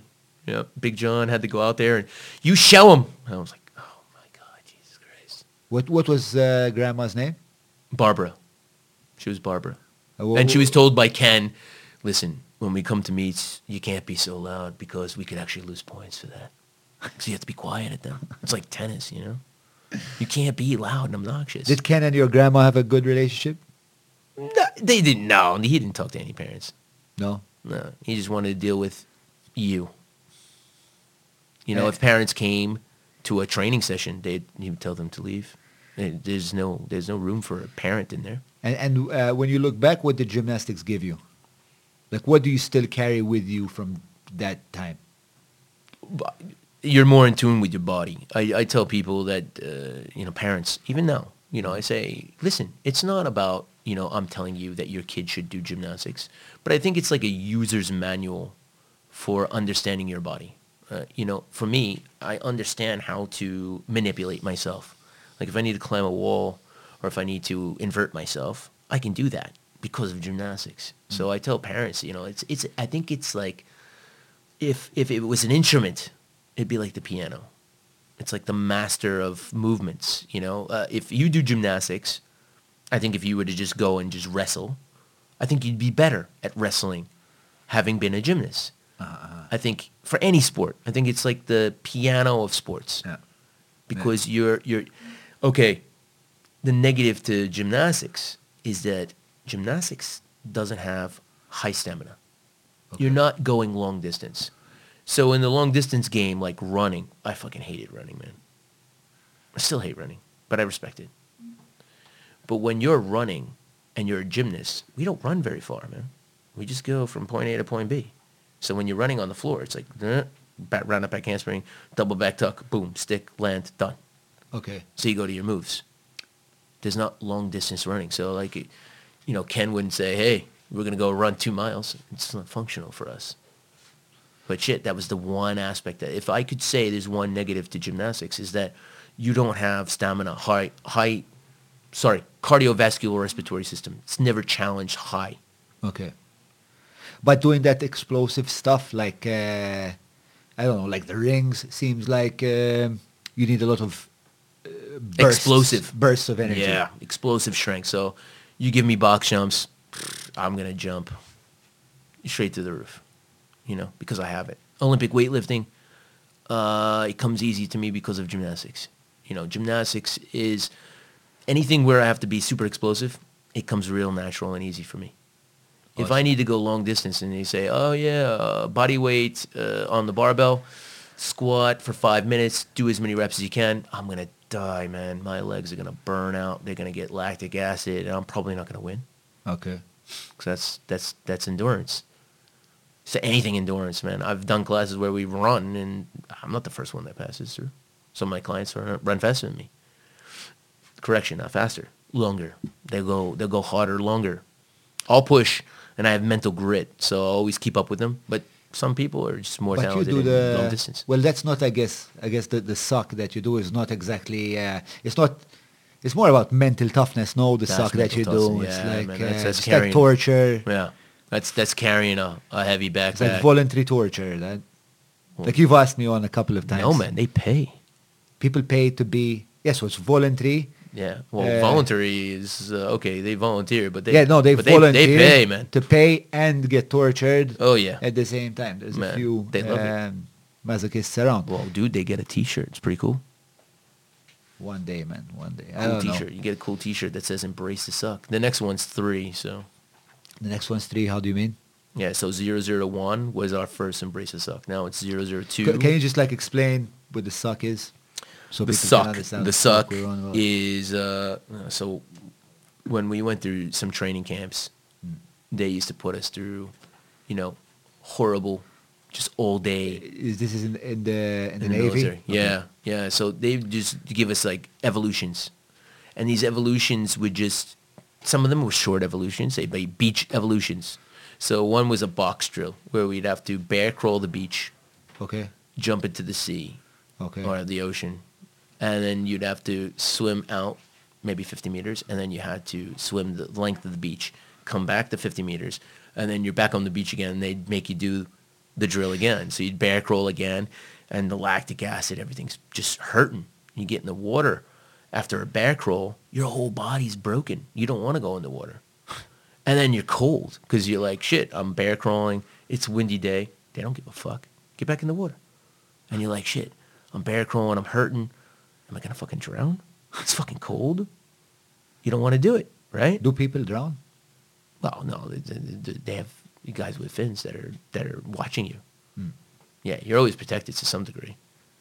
They're not gonna just say, "Hey, go out But there." how and swim. close do you get to drowning before someone steps? Oh, and they'll, they'll yeah, they'll let you go down. Like you have to be flaring your arms, and then if you do that and you get rescued, and and you get to the point where you can't handle it, then see you later. You're not gonna go into this program. Ah. You know, to be a rescue swimmer, you have to pass uh, evolutions. If you don't have the times, you don't make the times, then you don't become. And the suck is inspired by this uh, Yeah, uh, you know, it, it- experience of yours? Yeah, yeah, that and uh, I mean, Ken Ken's training, you know, is more my innovative side to training because he had tons of different ways to work the body. Okay.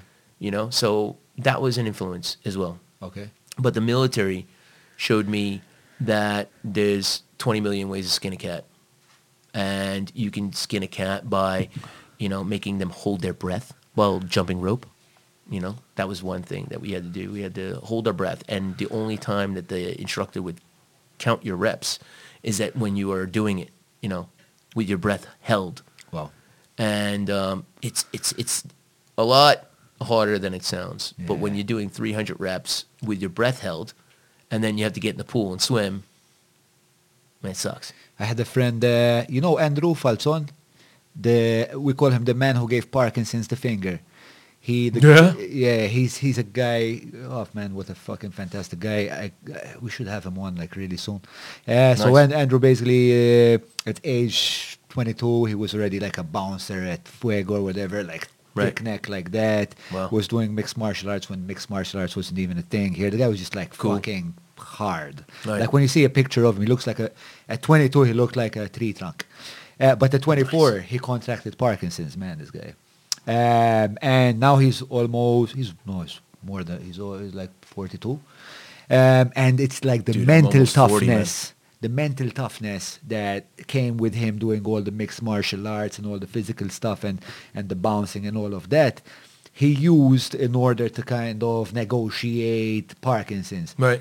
And recently, we all kind of got into like figuring out who has the best deadlift. And Andrew would like do his workout like his five by five, Yeah. holding his breath. So he'd do like five reps, Yeah. holding his breath, which was like fucking insane. All five reps? All five reps. Oh, wow. All five reps. And Because I, I agree with holding the breath because it holds your position. Yes, no, but no, but never. reps. Yeah, yeah, no, no, no, Oh, wow. never. No, like like he would get to the when we fall over. to like every position, he's holding his breath. So he's standing up, breath holding, going down. Wow. Yeah, yeah. I gotta do it now. Mentally, uh, just an animal, man. Just an animal. Well, I'm gonna. I'm gonna do it now. Thank you for the inspiration. Yeah, yeah. I, I, I have no idea. I, I really can't He understand how with you the guys five rep ha- max. don't know each he other. did it the five by five weight. Yes, yes, like yes, heavy, yes. Heavy. There's videos of it somewhere around the internet. There's videos of it. Uh, Props, man. And I think I'm the guy holding the camera, like completely like fangirling the show. Oh fuck! Nice. Like completely ruining the experience for everyone else. I would I would have Uh, fanboyed him. so um, yeah, this episode of uh, the Joe Male podcast is brought to you guys by the Nissan Juke. Uh, Yeah, man. Mr. Spartan. It's, a fantastic car, I- dude. If I had the money, I'd buy it, that would that would be all right. dude. I, I like it, man. Yeah, Some yeah, people yeah. don't, but I do. No, no, I think it's the the Jennifer Lopez of cars. It's got like a fucking fat ass. Okay. and I like Jennifer Lopez. Yes. Um, I mean, if my partner doesn't? hears that, man, uh, she's probably gonna Uh, give you me shit liked for that. you liked in the past. I liked when you were. I liked her before I met Melanie. exactly. Exactly. Uh, or or the Beyonce. I don't know Beyonce. Low Jennifer. no, I wasn't a I wasn't a Beyonce. No, I think I think I was more of Beyonce. I think the allure for Beyonce. I, I like that Latina thing, so I liked uh, Penelope Cruz hmm and Jennifer Lopez.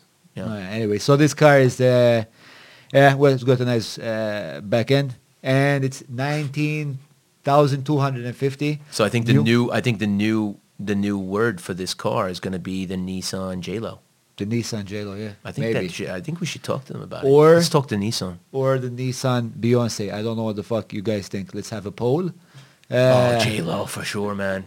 Dude. Yeah, J Lo. Ah, okay, 100%. show of hands. J Lo, J Lo. Show of hands. Oh shit, I'm outnumbered, Nissan, outgunned Beyonce, completely. Mark, doesn't even make sense, man. J Lo. Jesus Christ. The J-Lo. Bunch of bunch of racists. Yeah, but no, you got to think about it this way. Which would you rather get in? You'd say, "Oh, I'm getting in my Beyonce." It doesn't sound right, but you'd be like, "I'm getting in my J Lo." Yeah. It uh. just sounds like something that you'd want to get in. Yeah. My partner, here's this. That- bad get Yeah, in yeah, as no, in no. no, no, man. It, get in behind the wheel. I suggest you quit while you're not ahead. Yeah, man. true. Well, Um, I'll take another sip of whiskey. so- I'll blame it on the whiskey. So basically, uh, w- at which point did you abandon like uh, gymnastics? Because at the point you went to the military as well, right? Yeah. And I'm assuming you didn't. Did you have time to do gymnastics in the military or? Uh, I used to, funny enough, I did. I, I, I didn't do gymnastics myself. I used to teach some of the guys. Okay. Yeah. Was that uh, like was that part of the routine? Or did you just like teach some of the guys in the No, dorms? man. I just, I, one day, I think I did one on the beach. You know, we were getting hammered, and then I used to do tuck Hammer is jet. like drinking. yeah, drinking. Yeah, I was a little bit of like uh, when they say that uh, Navy guys drink. I made sure that that stuck.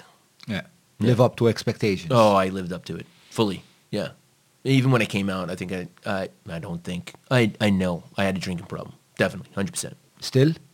No, No, good. Like I don't remember the last time I had a drink. In fact, dude, I'm already feeling this. All right, so we, we, we'll slow down on the. No, no, no, no, in a good way. In a I'm, good I'm way, right? always feeling like It's, floaty. It's it's nice, It's, dude, it's very nice whiskey. It's dangerously Bro. nice whiskey. Super. Yeah. How did you wind up in the in the military? Okay, that's that's actually a tough story. You know, um, that one uh, was due to you know my grandmother. She uh, she had cancer, and and nobody knew about it because she was she was that strong like like an oak. You know, um, nobody could shake her. So she held the fact that she had cancer. I don't even think she knew she didn't go to doctors or anything, but she was severely probably going through some serious pains, and she was always a heavy set woman. You know, and all of a sudden, you know, like um, my first personal training job was that um, when I would come back home from all this gymnastic stuff, um, you know, I trained my grandma. You know, just give her some like you know, easy stuff. You know, we do some planks and just mess around at the house. And I found out that she was losing a lot of weight, and uh, w- everybody thought that it was because I was working her out. Yeah. And I was like, ah, I'm just messing with grandma, you know? She's not really doing workouts, hardcore workouts. Turned out that she had cancer. And um, by the time that she got, um, um, the doctors, you know, said, you have cancer. Uh, it was like at the point where she had cancer everywhere. She had blood cancer, bone cancer. She had cancer in her brain. Wow. So this woman was probably why did it take so walking long through though for people to really you know, I, dude, I don't know, man. I, you know, my grandmother was the type of person that would just read at night, want me to, um, you know, when I lived with her, she wanted me to, you know, just think before I talk, study, do good in school, and do something with myself.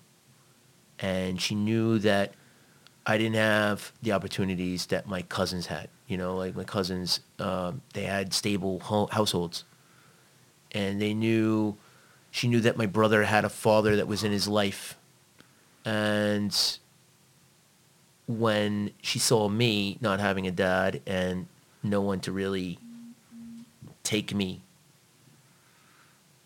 and foster me she kind of became my second mom you know and said i'm going to do my best you know and she didn't have it easy because my mom didn't make it easy for her she'd be like give me my fucking son back you know there were fights man there were this fights. is your mom's mom, right? Yeah, she fought to try to have me as much as she could.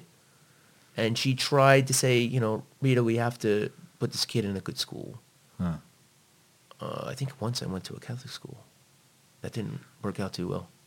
Why why was uh, the grandma like not forthcoming with returning you to your mother? Because she knew that she was lost, man. I mean, she was bouncing around. She didn't, we weren't stable. We weren't stable. I mean, uh, we got we got to the point where uh, we were homeless. Oh, okay. and then and the pride that she had, you know, not to go to her, you know, to her mom was uh, so big that we were living in the back of the car. okay. Yeah, And who was we? You and your mom? me and my brother. And my sister wasn't born yet. It was actually after a fight that um, my brother, my brother's father, was uh, you know hunter type guy. You know, and he, he'd be macho, but he'd be a little bit, you know, not feminine, but he cared about his looks and stuff. Okay. And this guy Jim, um, which is my sister's father, he's just such a man. If you can honestly say that there's a piece of shit on this planet, like you'd look at him and just say, "Man, you're a fucking piece of shit." This guy What used to say, piece of shit? like he was uh, the type of guy that came up to my brother and he would go, "Your daddy's a fairy and he's a pixie stick, faggot," and we're like, "Dude, why are you talking about his dad like that?" You know? And he'd be like, "We all know that he's a faggot," and you know it. It got to the point where my brother stepped up and he hit him with a with a brush. Well, you're talking about a kid. A kid can't hurt an adult. This adult took the fucking hairbrush and he started beating the shit out of my brother. So he jumped on his back, and I was trying to say, "Don't fuck with my brother. Don't don't fucking hurt him." And my mom walked in, and she saw the fucking commotion, and he's like, "You're fucking kids," and my mom fucking blew up. What the fuck? You know, the the kitchen was leveled. Uh, it was serious. That was a fucking horrendous fucking fight, man. And- Whose side did your mother take? Ours, ours, totally. No, she knew it was fucked up. I mean, she saw me, you know, bear hugging this guy, trying to stop him from beating the shit out of my brother. Um, she was, she was fucking pregnant with his kid, and she said, "Jim, we're getting the fuck out of here." And that, that's not something that you actually say to somebody that's not fucking stable. So he started leveling the, the, the, the kitchen. And at that point, my mom Was was, scared. leveling the kitchen? Like Oh, you flipped the tearing- table, okay. threw all the plates, man. Everything's just breaking. Just shit, just going. just and terrorizing, terrorizing this this this This family. piece of shit house.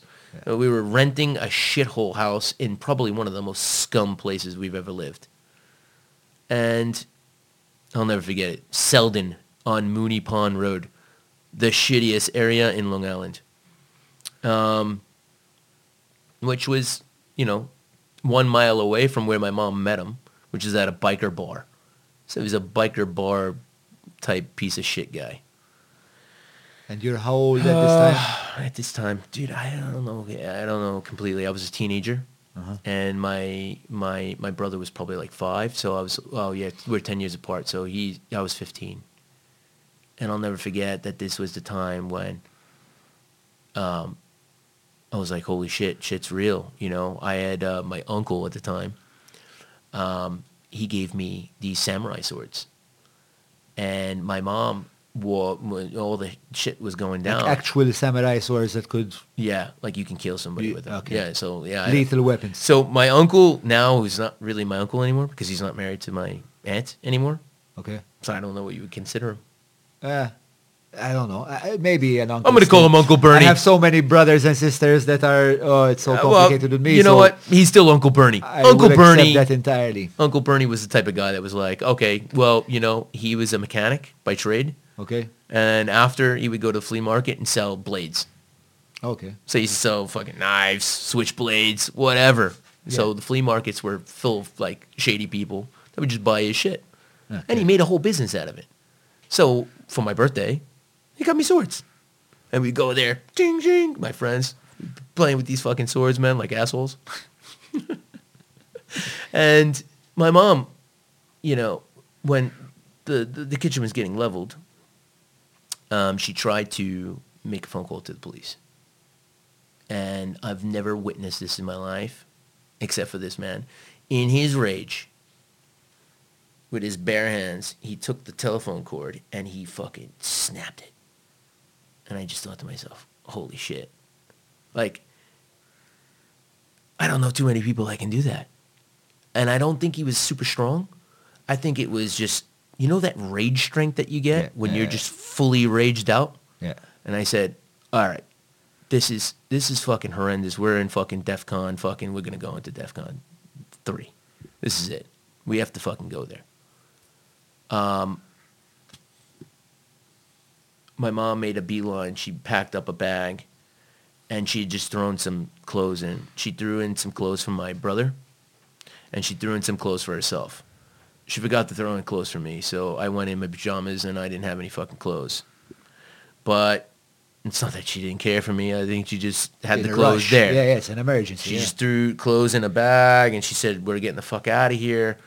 And Jim went from, I'm going to fucking annihilate this whole house and kill everybody to, don't leave, don't leave. And it flipped the script to don't leave, don't leave. And my mom's trying to find her way out the door. She's doing this, you know. And when she went to go out the door, he, boom, gave her one in the stomach Oh, wow. and- with your preg- she was pregnant with your sister. with his own kid. with his own fucking kid. That's his kid. Yeah. Now I told this story to my sister, and we had a heart to heart. She took me off Facebook, and said, I don't believe the story. And I said, well, I mean, I can't make this up. How do you make this up? Well, I ran into my room. Everybody thought that I was afraid. I ran into my room and I got that samurai sword. I came up to Jim and uh, I put that blade right to his neck. And I said, if you fucking move, I'm going to put this blade right through your neck. I'm going to fucking kill you. Did you mean it? Oh, absolutely, 100%. He stood at the wall and he said, dude, don't do anything. I said, don't breathe, don't move. I will fucking kill you.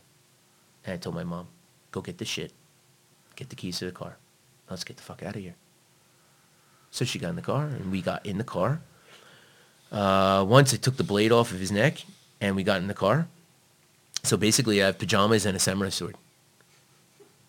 I mean, you can laugh at it now. I mean, this is a fucked up story. It's just a fucked up mix. I mean, uh, dude, I, I maybe it's alcohol. I don't know, dude. But as I'm telling it, I'm like, okay, that's funny, and that's probably really good shit for a movie. But like that shit's real. yeah. Like I had a samurai sword and I had PJs. We got in the car, no shoes, yeah, fucking barefoot. Go in the car and my mom put the car on, and all of a sudden, a fucking hand comes in to try to grab the keys, and the only thing I could think of is, I'm gonna bite this motherfucker's hand, and I bit his hands. Ah! He pulled his hand in, and my mom just slapped it into reverse. Now, when I say that we lived on a shitty road, we lived on a high traffic fucking road, man. She slapped that bitch into fucking reverse and just fucking gunned it with life. yeah. And I don't know how we didn't get fucking into a like a four car pileup, man. We made it. We got on the road, and we started driving. My next question as a kid: Where are we going? We're going? going. Yeah. She said, "I don't know." Well. I said, "Well, all right, I'm in. What, what are we gonna do?" And we went to a motel for one day. Then, when we didn't have the money for that, we stayed in the car. Was your mother working at the time though? Well, at this time, I mean, I, I don't know how you really work. No, she was she was bartending. I, she did a whole bunch of shit. I don't know what she was doing at this time. I think just crushed. So probably not. Wow. With a baby on the way, how how far along in her pregnancy? Uh, second trimester. Yeah. No, Which it was like six months, five months, six months. Yeah. No, it was it was yeah, it's showing the whole nine. Mm. And she was working at a bar. It's crazy. Wow. I don't get it. I mean, listen, some people's lives are different. You know, she had to take a lot of steps that, honestly, when I look back at them and now I'm recounting like almost everything, you have to say, man, she's gone through some shit. I mean, I did too. Um, I think one of the biggest negatives that she's done is that she did a lot of negative reinforcing. She said things like, Tommy, you're a fucking idiot. Um, I'm a fucking idiot. John, you're fucking idiots. You're you're no good. You know, we always raised that way, where you're a fucking moron, John. And I laugh, smile, go around with it. So Did I was always that it? joker. I think to the point where, you, at the time, no, I thought it was normal. You know, I thought that this is, this is how parents talk to their kids. And it clicked that it wasn't normal actually when um, when I came here in Malta. So I lived my whole life thinking that that's normal shit. And then I saw how Maltese kids are raised and I'm like, these kids are fostered, man. They're they're they're watched. You know, they they, they, they, they do their homework and the parent watches them and they, they, they answer questions when they need the questions done. Like, Yeah. oh, this is this is this is how it is. Yeah. I didn't have that. Yeah. Uh, sometimes it can be. Yeah, I, I think there's a lot of positive in that kind of child rearing where you're Yeah. kind of like uh, a bit vigilant in the way that your kids are behaving and what Yeah. they're getting into. But sometimes it can turn a bit Oedipal, a bit oppressive, Mm. where you kind of. Uh, well, where you, where yeah, you cause the kid to either rebel or like atrophize because everything is being done for them, and then they have zero toughness. So then they go out into the workforce, Yeah. and they're just like at the first sign of pressure, they just like fold like a deck chair, you know. I see that here. I see that here. Okay, but So you have to find like I think a happy middle ground.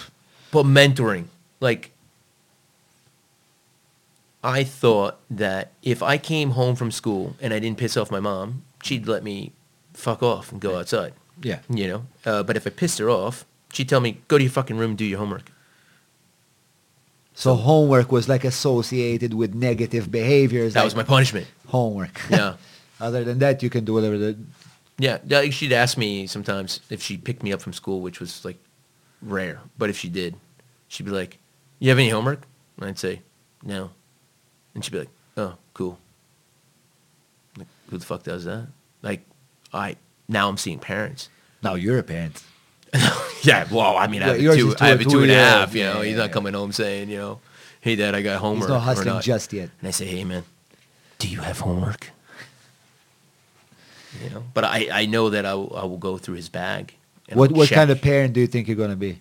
Or I mean, what kind of parent are you? But you know, the more he grows and develops, the more he's gonna need. dude? I think guidance. I'm uh, I think I'm evolving. You know, like when I first had my you know my my child, I was like ultra protective, like where I was like, I will annihilate anyone that comes near my child. Yeah, And you get that way where you're like, oh man, I'm gonna protect him from everything. yeah, Now that he's getting older and he's getting his own like personality, he's almost like hardened like me. I'm like, shit, he's gonna protect himself.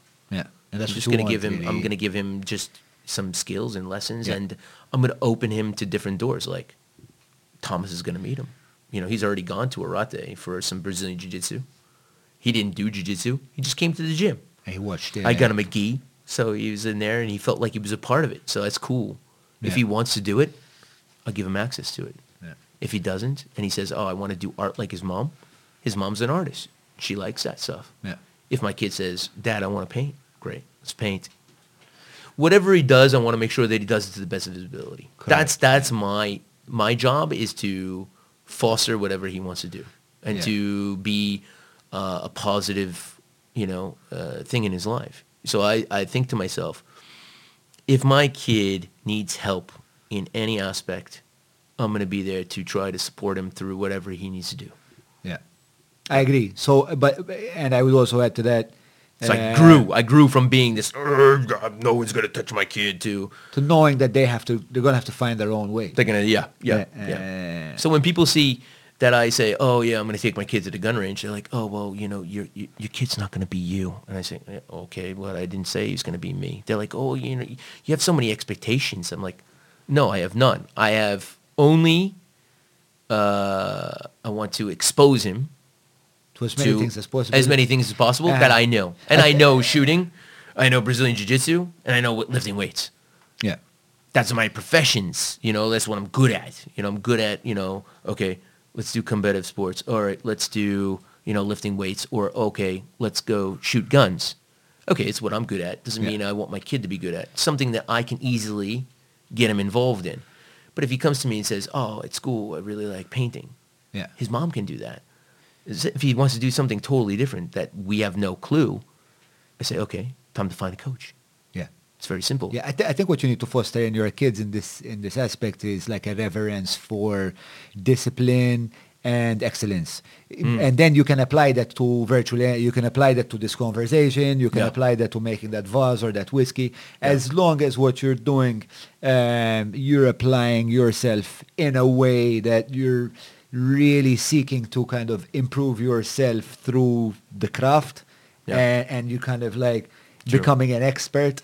You know, that's one thing, like one thing I always used to, because I used to have like a bit of a mentorship role when I was at Lovin Malta. I used to help cool. the, the, the videographers kind of find their footing and, and, and Right, kind of like get their character. And the thing I used to always ask them was, and it sometimes used to take them like weeks to answer me. And, and Sean, if you're watching me, you still haven't fucking answered the question. and it's been like a year on. And the question was like, Who the hell are you, Sean? uh, long boy Sean, I used to call it like the giant. Like he's he's he's like six six, I think. Like I and I used to piss him off every morning. I used to walk in and go. He played like- basketball for Malta for sure. He played basketball, not for Malta, and in a one-on-one, I would destroy you if you're watching. Nice. Um, no, man, maybe 15 years ago. But uh, yeah, and I also used to ask, like, why the fuck are you in the room? All right, because they used to tell me like, how can I Right. improve my skills?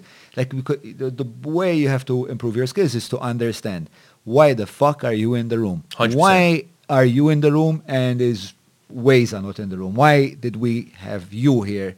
What is your skill set that's making you stand out in a way Right. that your contribution to the project, whatever the fuck, whatever the project is, could be redoing a flat or it could be shooting this music video. Exactly. Why did I get you and not anyone else? And once you can tell yourself that, Yeah. then you've understood your identity and you understood where you're going, and then you get a, a, this reverence that I, I call a reverence for the discipline, Yeah. and you can pursue anything insofar that you understand, eh, you know, like where you want to aim, and then once Yeah. you know where you want to aim, you just go with it all, you know, all heart and soul and Right. blood and sweat, Right. you know.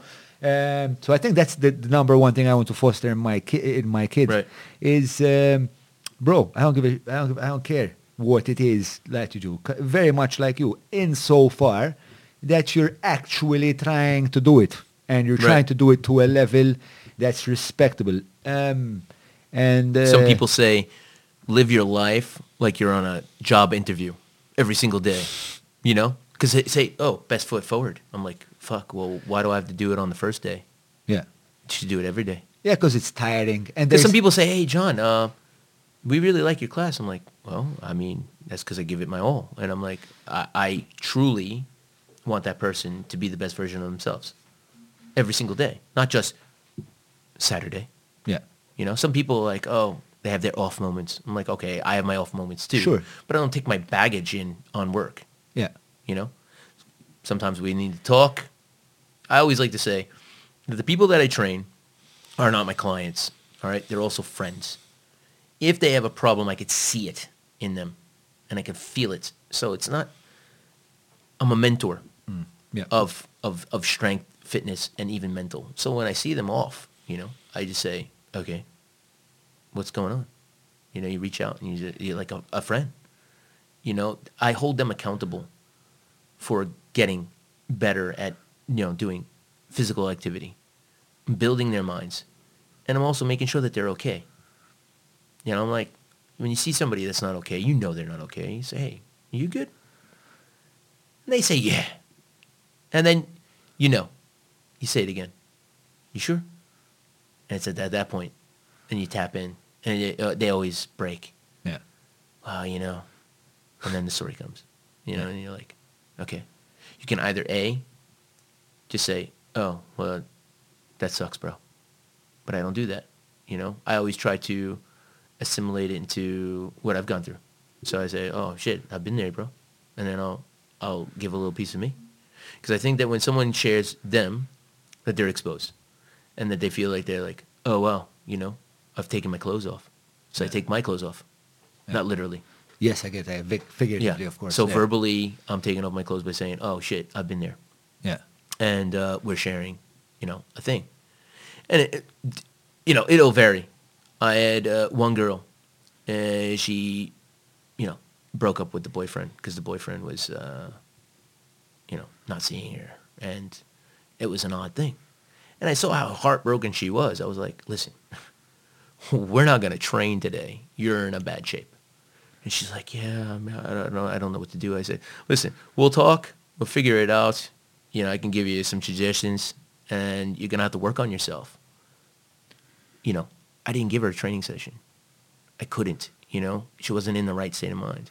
You have to know when you can and when So, you so you see yourself um, as not just a physical trainer, but per, like this mentorship role is like is quite a is it a broad? Okay, well, that, what I, what I can say about Yeah. you from like a a client perspective, I. I, I feel like client is such a crude raw word. It is, and dude. it doesn't Oh, feel like man. that. I almost feel like it's like, yeah, Like a your, prostitute Your next client or so- coming in. Yeah. like, oh. Uh, but what I can say is that you have, in your own strange way, uh, and absolutely a strange way, it's uh, What is- what is it- like you're a, you have you have, you have an empathy. No, you have an empathy. I do. That gets you to tune in to what that person wants to hear.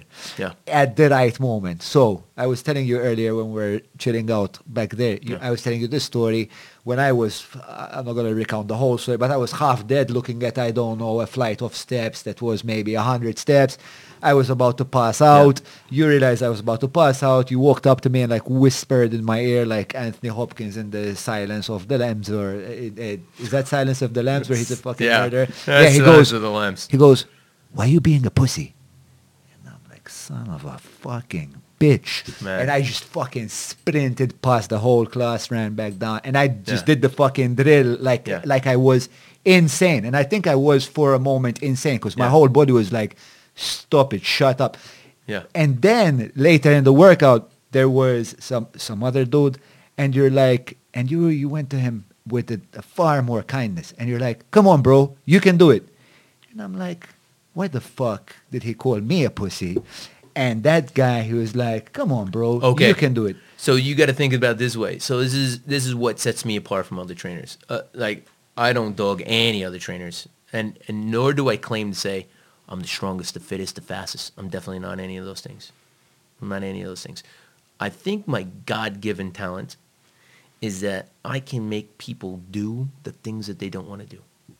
I have that ability. I have the ability uh, because I know how to tap into each person. If I called that person who I said, hey, bro, you can do it.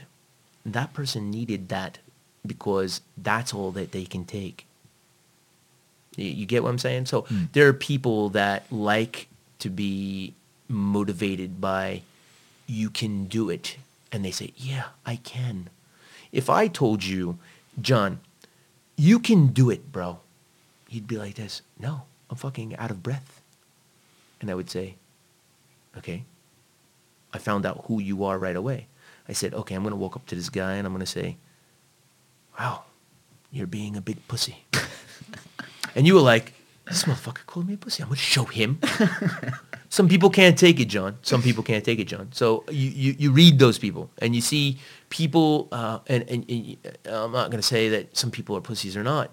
Some people don't want to hear that. Some people will say, if I, if I said it to everybody, oh, dude, you're a pussy, they might turn around and go, yeah, I am a fucking pussy, thank you. And they'd feel bad about themselves and they just cry. I knew that you weren't that guy. So I'd say, okay, that, that fueled you. And that got you up the stairs. Yeah. That other guy just needed to be pushed. Hey, man, get up those stairs. You can do it. You read it, I read it. Yeah. I read people. Yeah, yeah, yeah. And uh, you know what you can say, what you can't say. Uh, have I made mistakes? I have. We've all made mistakes. I've made, I've made terrible mistakes. But uh, to just kind of underscore Yeah. that uh, that ability of yours, uh, the, the the most recent time Yeah. I've watched you work was at the Man Up camp when you had these ten guys. Most of them hadn't even gone for a brisk walk, you know, for the Yeah, past they decade. were, they were destroyed. They- and but they finished. All they they finished the thing that when you watch them finish it, I was getting exhausted. I was getting exhausted watching. Do you remember the guy that was actually good? The one that was cooking all the time. What the hell was his name? Uh, Rudwan. Rude one. What a Yeah, pain yeah. in the ass, but in a good way. Yes, I love him. yeah, Yeah, You know, how perfect. What Rude, a pain. Rude one, if you're listening, watching, you are a pain in the fucking ass, but in a good way. in a good way. Exactly. Yeah, like I clashed with him right away, yeah, but I found out that this guy was a decent dude. yeah, and I had a special treat for Rude One because I know that Rude One is the guy that's going to show me that he can give me it all. yeah. And I said. I said, I said, okay, well, you know what? I'm going to make everyone else suffer for Rude One. And when Rude One broke, and I knew that everyone else was broken, I knew that my job was complete until Rude One was completely broken. Because I knew that that was the strength. You know, he would be like, oh, if somebody, you know, needed rescuing, Rude One was there. Or if somebody needed to be broken, Rude One was there. But Yeah. Rude One needed to be broken. And I broke him. Yeah, I got him to the point where he was like, oh, shit, you know, I'm dying. Yeah, and yeah. I said, and I was more like, so you, you can't do any more, pussy? and he was like you, you know, like, oh, fuck, you know, I'm going to keep on going. But I, I killed them all. And I, I did it all in the way that they could. So there was another guy that needed to be lifted in the way of, hey, man, you can do this. And he was like, oh, I, I- I really have to throw up. And I was like, Yeah, you go and do that. yeah, I didn't yell at him. I said, go. Go and throw up. And when you come back, and you will, you will fucking come back. And when you're done throwing up and feeling fucking sorry for yourself, you're gonna come back to this fucking group and you're gonna man the fuck up. What did he do? Yeah. He puked for a little while. He came back and he was like, all right, I'm back in. Let's go. Yeah, yeah, yeah. All right, cool. And then I knew at that moment, I just love okay, people, man. everybody, everybody went to the max. Yeah. Everybody dropped the rock. Uh, everybody broke. And it's not that, you know, some people say I'm a sadist. Maybe I am. But I like the fact that when I see people hurting, I know it's not the fact that I, I don't, I don't get a, an No, I don't enjoyment. think you're a sadist at all. Yeah, but I, don't, get an you're a sadist at enjoyment. Some people say, "Oh, John, you like seeing people hurt." Yes and no. In a sense, yeah, exactly. yeah. I like seeing people hurt because when I know that you're hurting, that you're battling, you're coming to battle with your mind and your body. yeah. Your mind and your body, when they come together Yeah. and you push them to the maximum, you know that you are now coming over what we call the edge. They say, walk around the edge, but don't go over the edge. Yeah. I want to see how far someone's willing to go because I know that if you go all the way, that you're going to build yourself mentally and you're going to build yourself physically. the shit that tells you when you like I watched this guy, I remember this guy, very good friend of mine, uh, that puked. And I know he's not a physical guy at all. Yeah. Um, There were two people that puked. There so were two one? people that puked. Right. Um, but but the so one Was it two or guy three? No, there was two guys that Two, puked. two So one guy was was Damien, who's my best friend, who's just like a naturally strong guy. Like Damien used to be the guy where The guy who owns houses. yeah, yeah. yeah. So Damien was the guy that even growing up, for example, we'd all be going to the gym all summer, and then he'd just turn up one day with a beer and a cigarette. So not to stop you, but he's the guy that you say you can do it. You don't call that guy a pussy. I've seen that guy getting called a pussy, and it didn't end well but, at all. eh? but that yeah, exactly. That's why I'm saying I'm good at reading it. So now that you told me who it is, Rude One, you can call him a pussy. He'll get pissed and he'll want to fight you, but you know what? He's gonna go. He's yeah, he wants to. He has. He wants to if prove I to you that called he's. what's what's his name? Damien. Damien. If I called Damien a pussy, he would have not liked me, been Yeah. pissed at me, Yeah. but he would have been like, "Fuck you, bro." Yeah, yeah, And yeah. I'm gonna leave now. Yeah, yeah, yeah. And I've now motivated you. I didn't motivate nothing. Yeah, I just way. now I know I now I stopped you yeah, yeah. from working out. And I and I tell But you, Damien's John, very naturally strong. Eh? I mean, I've seen him hit guys, and it Dude, was like, devastating. and I and dude, he might have hit me. that would have been terrible. Yeah, uh, no. thing for the No. for the whole thing. But uh, but Actually, I think after after the the workout was done, I think he actually said he was like two steps away from wanting to fucking crack me in the face. I think I think that was honest. That was an likely, honest man. conversation. It's likely. It's like because Dude, he uh, said you- honestly, you get dude, to the edge. You get to the I- edge. It's nice. He shook my hand. He said, "Dude, that was the fucking worst I've ever done it. Like that's the worst For I've sure. ever felt in my life." And I was like, "Dude, you did a great job." He's like, "Dude, I came two fucking steps from like wanting to level your face in." I was like, Yeah. "Great, good job, bro." Yeah. The fact Yeah. that you didn't level my face, Yeah. and the fact that you completed. It. That you completed it. No, Yeah. it was it was a Well, I mean, fantastic thing to watch because I know how hard those workouts are, and to see people Yeah. that I know are not physically active, like Damien hasn't been physically active for a very long time, and to see him complete that, and there was uh, well, there was a few people there that uh, that I know, like uh, you know, like the. They, they don't even consider exercise, but they just Yeah. did the exercise because they knew it was part of the whole man up program. So I went through the man. I went through the man up program. So as a mentor, I told you straight up, I need to fucking man up too. So I was the only mentor or the only person that was, you know, chosen by you to be there. I said I'm going to do it. So I did the I did the whole man up camp. I did it with them Yeah. you know so learning who they were that was cool that's why uh, i remember we had the conversation before like we all prepped for this whole thing and i remember you telling me vividly john do a workout that's going to get them you know to the edge but don't fucking kill them Yeah. you know you weren't telling Yeah, me to be listened. nice but you, You said listened really well. you said yeah exactly that, this is the point i'm trying to make is that you said listen, these guys are, you know, sometimes, you know, you, you're dealing with people that probably haven't worked out in a while. So, you know, take it easy on them. Having been there and sharing the experience made me say, you know, fucking, I'm flipping the script here. You know, Yeah, we yeah. all need to man up. Today, we're going to man up Yeah. in a different way. We did team building events. We did uh, learning, uh, you know, about Dr. Juice, man. We did a whole bunch of shit. and It was all awesome shit. But when I got to know these guys on the different levels, I said, nah, man, I'm going to throw it at them. And I'm going to throw it at them because I know that the workout that I gave them, I could scale it. I could say, okay, this guy's going to get this, this guy's going to get that, and that one, that. And that's why I gave Rude one. He automatically chose the heaviest rock. Yes, yes, he did. He did. Yeah, he said, I said to him, and you know how I got him to pick that heavy rock? It was simple. Do you know that there's a method to my madness? I looked at Rudwan's rock and I, I and I lifted it up and I said this. I went, bro, that that's a little too heavy for you. he said, fuck you, bro. I can handle it. And I went, I don't think so. you know, and he, he fucking, he chose it.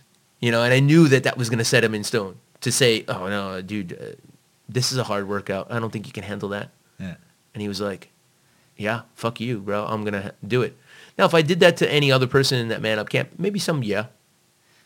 But like the guy that I sent to you, if I said, dude, you can't lift that fucking rock, you'd be like, thanks for fucking motivating me like that, bro. Thanks for bringing me down. See, everybody's different. Yeah, yeah, yeah, sure. You know, sure, we, sure. we need to. What was great about the, it. the camp was that the first day was pretty relaxed. We did the fire. We got to know each other. We had the whiskey. and I we- fucked up my camp. You fucked up your Oh my camp. God, man, I couldn't fucking do the shelter. and we sent everyone to sleep like like hey guys like this is a really nice uh, experience for you to chill out and unwind like literally four hours later man like they slept four hours later me and this guy like get the fuck out the fucking camp Yeah, and like with pans and flashlights and shit and I was like what the f- get the fuck and then we then we then we started uh, doing countdowns like 30 seconds to get water or else no fucking water the whole workout Yeah, yeah. But and then, and then one person said this, and it was it was perfect. It was exactly what we were looking for. Was, you know, oh, well, it's hard for me to wake up. And I said, that's your fucking problem. I said, I'm telling you to get the fuck up, so you're gonna have to get the fuck up. Well, it's hard for me. I said, life's hard. Simple. I remember this conversation Life's hard. Life's hard. Get the fuck up now. yeah yeah, yeah. And and sometimes maybe your alarm clock doesn't sound like me, where I say, "Get the fuck up now." But that's what it means. But if I say, "Get the fuck up now," and you you've you've chosen to take part in a fucking camp that says "Man the fuck up," well, get the fuck up. Simple. So, bro, um, we've digressed a bit because the original question was, how did you get into the military? Oh man. Uh, yeah. Well, uh, that's yeah. That's uh, that's a sad one. That when I told you that my grandmother was diagnosed with cancer. Yeah. The doctors told me uh, I was a I was a lifeguard at the time. Um, that was my first on the books job. My first off the books job, I was a beer distributor. I used to work at the uh, the local shithole beer distributor, and I used to deal with all the scum that used to bring their empty cans, and I used to count all the cans and give them their chit, you know, like a little uh, a little paper that would say, okay, he gets three three dollars and fifty cents for all the cans that they redeemed. But my original first real job was being a lifeguard, and my grandmother was so proud, you know, like oh, he's a lifeguard, you know, he's protecting kids at a pool. Okay. And finding out that she went to the hospital, it was like, oh man, crushing. Um, went to the hospital, and I'll never forget the doctor saying, "There's nothing that we can do." And I said, "You fucking fix her," because I didn't understand. I, I thought you're a doctor, fix her. It's simple. You know, she's only 68 years old. It's like she's got tons of life to live. And you don't understand the gravity because when you're young, you still know shit. You know, I see so many young people and I'm just like, man, you don't know shit. You know, and they're like, oh, what do you know? Yeah. I said, I don't know it all, but I know more than you do. And I got into the military because my grandmother's last dying words were, your mom will not do what's right by you. You need to go into the military.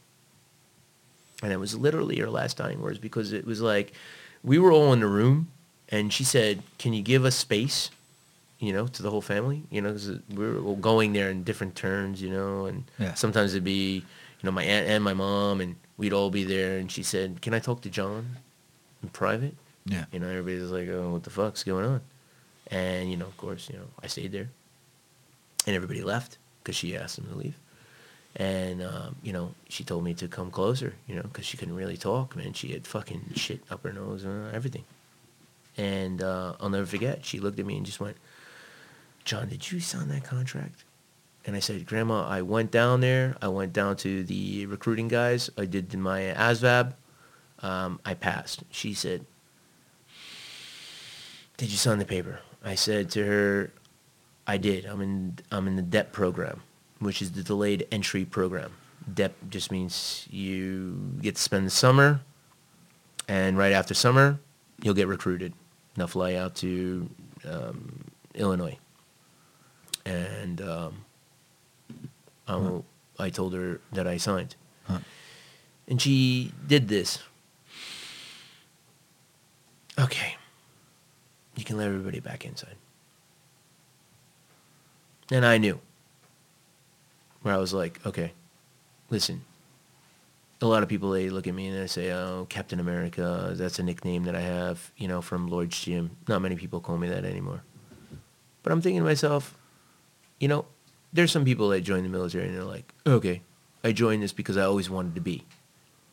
Yeah, when, when I was younger, I was like, oh yeah, I want to be a police officer. I want to be a firefighter because you know schools just manipulate your mind to thinking that they're cool. But I didn't. You know, I never grew up with that where I was like, oh, well, I want to go into the military. I was like, it's either that or you're you're in the fucking wrong crowd.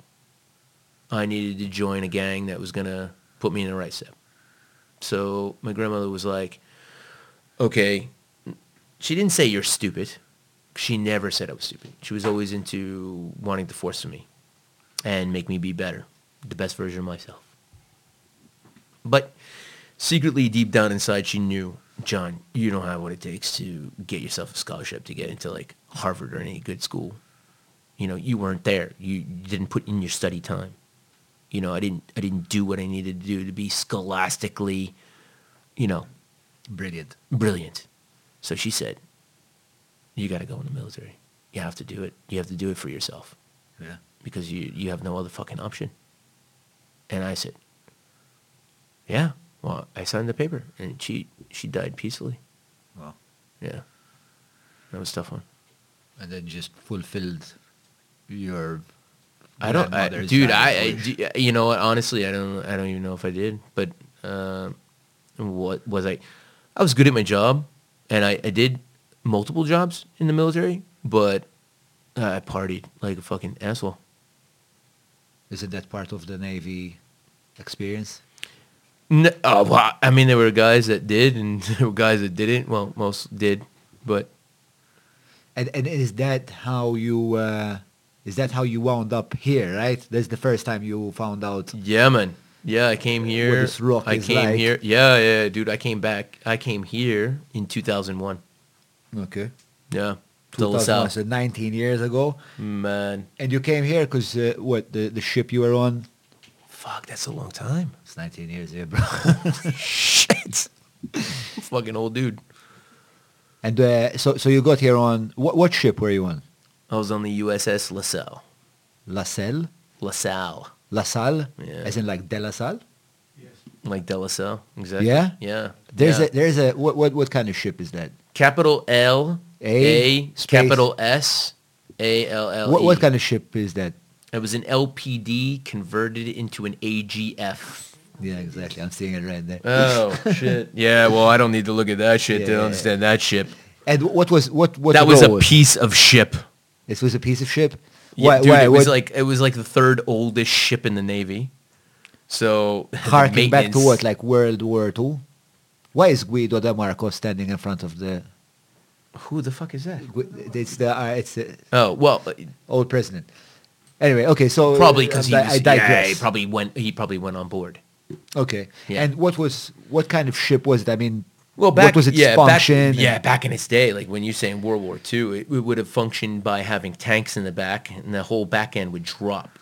Right. And you can roll tanks right out of the back of that ship because the whole back end of that ship is flat. So when it hits chop, you're fucking rocking. Okay.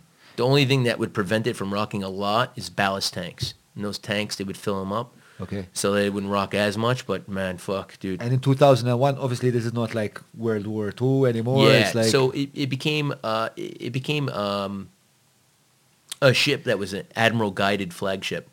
So a three star admiral basically uh, did it to. It had different functions. Like its function before the war was to um, liaison. okay. It was to schmooze commanders. We went to Russia to just Ah. schmooze people and to say, hey, look at our clean sailors and you know we're we're nice people. We actually painted it. It used to be white, okay. and they called it the White Ghost. And then it became gray again and became a command center. And in fact, the LaSalle was the command center of the Sixth Fleet. Uh-huh. All right. And during 9/11, when we saw 9/11, the towers coming down, and you know, we all hands on deck, got the power cords off, and we rushed out of Gaeta. We were the first respondents to be a part of the uh, surface to uh, land to surface uh, missile attack on Baghdad. oh, okay. So I had front row seat. How did you experience that, the whole 9-11 thing? Did that, did that rile you up and want, yeah, make you want I to go dude, to war? Yeah, we were rooting, tooting, ready to watch fucking fireworks, man. We were loving every fucking bomb that hit down on them. Man, we just wanted to fucking annihilate any Iraqi because we felt like, okay, when we responded to Afghanistan, it was Afghanistan. And it was like, okay, now what? Oh, then it turned from Afghanistan to Saddam Hussein. And they have weapons of mass destruction. Which they didn't have eventually, right? yeah, I mean, listen, this all led to me wanting to leave the military. You know, politically, I didn't see eye to eye on these things because you start to realize that You get It's not that you're playing on- sense. it's not that I like the culture or I want to be a part of them. It's that I don't want to be a part of someone that wants to annihilate anyone. Yeah. you know and i'm like the only thing that i want to be able to do is to protect the people that i love. And i want to build people up and make them strong. And the military doesn't do that. The military does uh, what the job is. And the job could be good the job could be bad and you don't have a say. You have no voice Yeah, of course, yeah. it doesn't matter if you like the situation or not. You're going to do it. And my personality conflicts with that. I was good at my job and I was good at, you know, physically doing what I do. But with that being said, is did I really want to do it? Okay. Is my heart into doing it for that cause? No, but it doesn't matter. Because the military doesn't play games like that. Of course, The yeah. military goes by, okay, well, that's my order. You will do it. And you don't defy a, a direct order. Yeah. So I always tell people, especially, um, I I have I have a lot of people that I speak to that are actually uh, they're Muslim people, and they always they always ask me when they find out that I'm in ex-military. They always go, uh, "Did you do you agree with the situation?" And, and I I go, listen, you know, a soldier is a soldier, and a Navy guy is a Navy guy, and they go into a battle. We don't see color, we don't see creed. We see an order, and we do it or we don't do it. You see a mission. You see, a mission. objectives. You see an objective, and then you act either yes or you, no. So to answer your question, I'm not in the military anymore, so you can make up your own decision. Yeah. I don't. I don't. I don't tell people Yeah, what's right yeah. or wrong because I don't like to politically get involved with people. So eventually, anyway, the Navy got you into Malta, Mm. 2001. And 2001. We and actually came. We came but back you for have, two uh, refits. Maltese connection. No, your your your dad's side is My Maltese. father's, yeah. So my father's side, his mom is Helen Sultana. So I actually do have Maltese blood. Okay. So maybe I'm drawn to the island. Okay. And uh, when you got here, like like when you got here, you already knew that you had Maltese blood. No.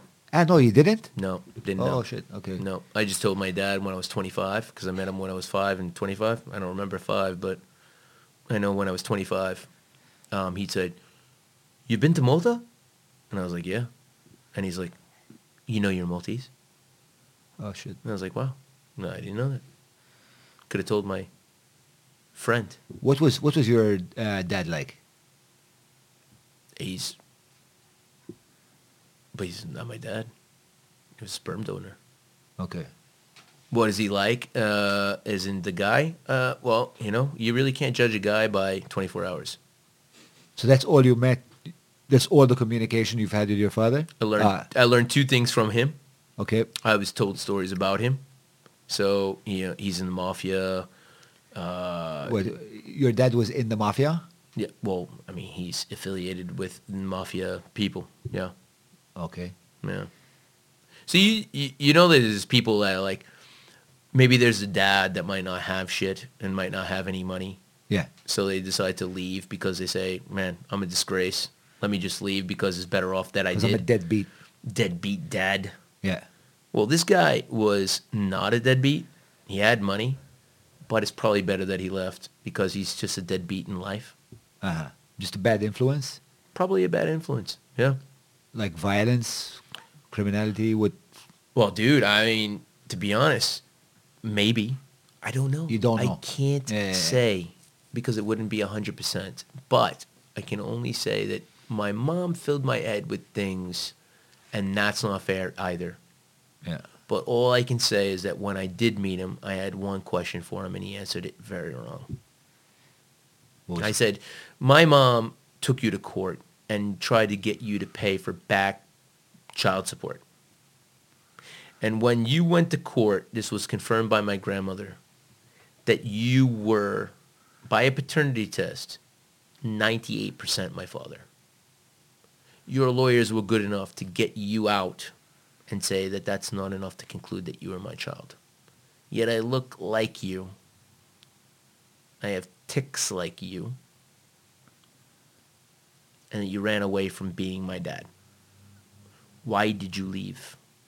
Why were you not my father? Why did you not pay that child support when you could have clearly done it? And he stuttered. He, he was so stressed out from it. He stuttered. He was stammering. And he said to me this. He goes, Your mother wanted my money. Your mother wanted my money. I said, that wrong answer. That's the wrong answer. I called that man since I was six years old. My grandmother every day on my birthday. We would call this man and say, "Hey, Dad, I'm six. Hey, Dad, I'm seven. Pick up the phone. Oh, he wouldn't pick.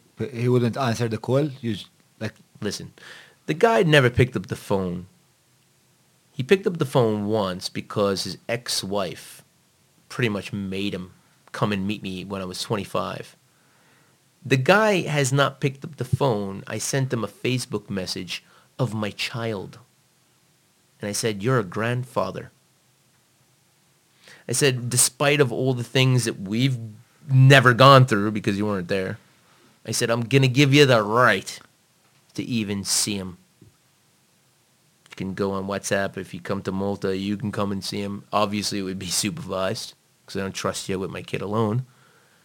But uh, I said, if you want to have a relationship and come online and say hello and whatnot, do it. Nothing. Seen, no reply. shit. Now, it gets even worse. His father's still alive. So it'd be like my grandfather. Never met him in my life. But I found him on Facebook. His name's Salvatore. So Salvatore Dianotto, I find him on Facebook, and I wrote him the same message. I said, hey, you have a great grandson. I'm the son of your father, uh, of your of your, son. and I send him a picture of my kid riding a little frog. You know, he's one of his like ride on things. Seen, no reply, and I'm like, what type of asshole Yeah, that's cold. would would possibly not even say, "Who are you?" And then I met when I went to New York my cousin from that side, and he says, "It's better off you didn't meet him. You know, we don't even talk to those people." So, like, what do you do when you go through school and you're like, "Oh, it's father and son work day," you know, go go because in America we have that. I don't know if you have that in Malta. No, not really. So we have the day where all the kids get to go out with their dad Well, for work, yeah. to yeah. go work with their dad because you know it, you know stigma they, didn't have this woman empowerment movements back then you know it was like guy works mom's at home go to your go to your dad's, That's work job, yeah, yeah. and I was the only stupid fucking asshole that was with uh you know Billy Bob me and Billy Bob would be in the classroom playing tiddlywinks well everybody else was out with their dad you know that sucked man and I was like why am I like this you know? And you you you wonder. And at the time i didn't think that it affected me. But now i see that these things um, have affected me. In what in what way? maybe it made me to lash out and drink the way that i was drinking uh, make uh, choices that i made. I've made bad choices in my life. And maybe if i was guided right y- you could say a million different things you know you never know But how much does that motivate you to be an incredible father? Oh, a lot, dude. Everything, I mean, right? oh man, you know, my dad not being a part of my life is like, I'm never doing that. Yeah. I'm never not gonna be a part of my kid's life. I don't care if he tells me, Dad, I fucking hate you. Yeah. I will say, good, but I'm still gonna be here. you could be like, Dad, Yeah. I don't want you to fucking come near me. I'll still be near you. yeah. Yeah. That's uh Well, hopefully we don't get to that point, but yeah. It is what it is. It's uh is well in a sense great that you can look at your pain and, and realize that you would never want to inflict it on another human being Right. and that you want to use that pain as the fire furnace that's gonna fuel you to be just like the best father you could possibly be that's pretty much it. because there's a lot of challenges that come your way when you're a dad, especially nowadays. I think there's a lot of distraction. Uh, but when you have that fundamental belief that all nothing will make sense unless you've completed the the fatherhood mission, Mm. that is such a, it's just such a turbine in your So what's what's the father mission for you? What's the mission? Uh, I, I, I- so I think my number one role is to fill my kids with courage. Good one. Courage. Courage is the first thing. Courage. Um, courage.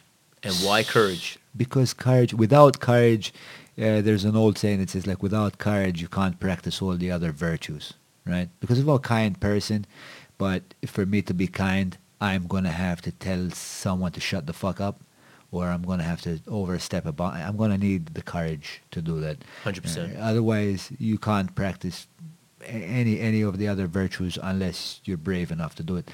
Um, Cool. Plus, uh, courage is co- courage comes now from the French courage from heart. From the heart. You know, like Yeah. if you if you put your heart into like the way these guys do for the podcast, uh, the way that you do with your, tra- you can do you can do things that are beyond like rational, like beyond. But John, haven't you seen out. haven't you seen a decline in courage? Uh, not to break, you know.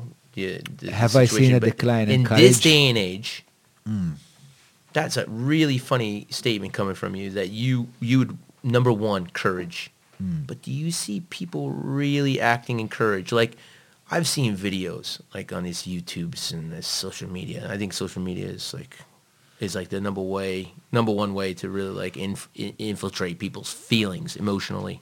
Mm. And I've seen some videos where you just like people getting brutalized, where you're like, man, you could say a woman getting hit by a woman, uh, a, a woman getting hit by a man, Yeah, or something. You know, they do these tests and pranks, yeah, yeah, and people just walking away and just going, oh wow, yeah, they have no courage. yeah, You know, you think back in the '80s, man, if a man was beating on a woman, hey, what the fuck you doing?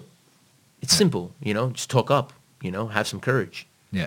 I just feel like people don't really have courage nowadays. Uh, So it's funny that you want to foster courage, man. It, I, if I ask I that question to anybody else, I, I don't think it, courage would be number one. I think, uh, yeah, I think it's the thing that's gonna get you the furthest. Obviously, you're gonna need to espouse that Shit. with intelligence. Yeah, So- because you have to have the courage to go to school. Yeah, exactly. Yeah, you have the cur- you have to have the courage to admit your failures or your shortcomings. Yeah. Yeah, yeah, It's all exactly, courage. exactly, exactly, and, Yeah. and and owning up to your shit, Yeah. um, and being uh, being truthful. But uh, you know, I, I kind of see myself much in the same way as you, you I guess, uh, whereby I am kind of like the safety net for my like if I think I, I kind of when you ask me that I can picture my kids climbing a mountain. Which Right. is obviously like a metaphor for life. And they have to think that they're climbing the mountain by themselves. And at a point, they're going to continue the climb by the themselves. belay. But I'm just right behind them, like giving them a hand up just when they need it. Yeah. But at a point, I know I'm not going to be around. I know, I know I'm going to get old and I'm going to die. So at the point, You're they're going to have to continue that, that climb by themselves. So if I can uh, make them believe that they can continue the climb to wherever they want to get, fuck, job done. Hundred percent. Job fucking done. So Bro, copy and a paste what you turn. just said. That's me. Amazing, amazing. So, yeah, before you were a father, you got to Malta, No, man. 2001. Holy cow. Loved the place. Figured out that you're actually part Maltese. Man, dude, I partied like a fucking rock star here in 2000. How, how long were you here for? Six months. Oh, okay. Yeah, long enough to party, man. Yeah, six months of partying in Malta. Yeah. Oh, I thought if I go to a bar and I get smashed, I'm gonna get a woman. No, it was more like uh, I go to a bar, I get smashed, and I speak in tongues, where women are like, "What the fuck are you doing?" Was that was that weird? Oh, yeah. hey kids, and they're like, "Whoa, what the fuck are you doing, man?" I'm lighting myself on fire. I, I actually did that once. Okay, please uh, expand. Was Yeah. that in Malta? You did that? No, I did that in New York, but yeah, it was a, that was a funny story. Why did you do that? Well, I, I didn't meanfully do it. I mean, I was drinking, Uh-huh. and um, I had a cuff in my pants. You had a That what? was- Sorry? A cuff in my pants, so I had my I had my pant leg rolled, Ah, okay, all right. so I had a roll in the back, bottom of my leg pant, and I was smoking a cigarette, right? Because I used to smoke cigarettes back in the day, and I was talking to these girls, and I was like, "Hey, what's going on?" And I was doing good, and uh, my buddy's like, "Oh, John hooked some women," so it was two women. So my buddy joined the conversation, and I'm smoking, and you know I'm cool as fuck at the time. I threw my fucking cigarette down, and continued the conversation. and all of a sudden, I, I, the girls that we were talking to were like, "I smell something burning," and I don't know how much I had to drink. A lot more than this, definitely. I was like, "Let's continue the conversation. It's important because maybe we'll go to your place, you know." Yeah. And uh, they were like, "I swear I smell something burning." and then I started feeling heat, and I was like, I looked down and I went, "Holy shit!" my cuff is now a big hole because my cigarette went in the cuff and just burning a hole in my jeans. So I went to stomp my foot and get this fucking cigarette to go out. And when I stomped my foot, it actually ignited a fucking real flame Oh, wow. and my leg was on fire. Oh, wow. Yeah, no, like I really set myself on fire.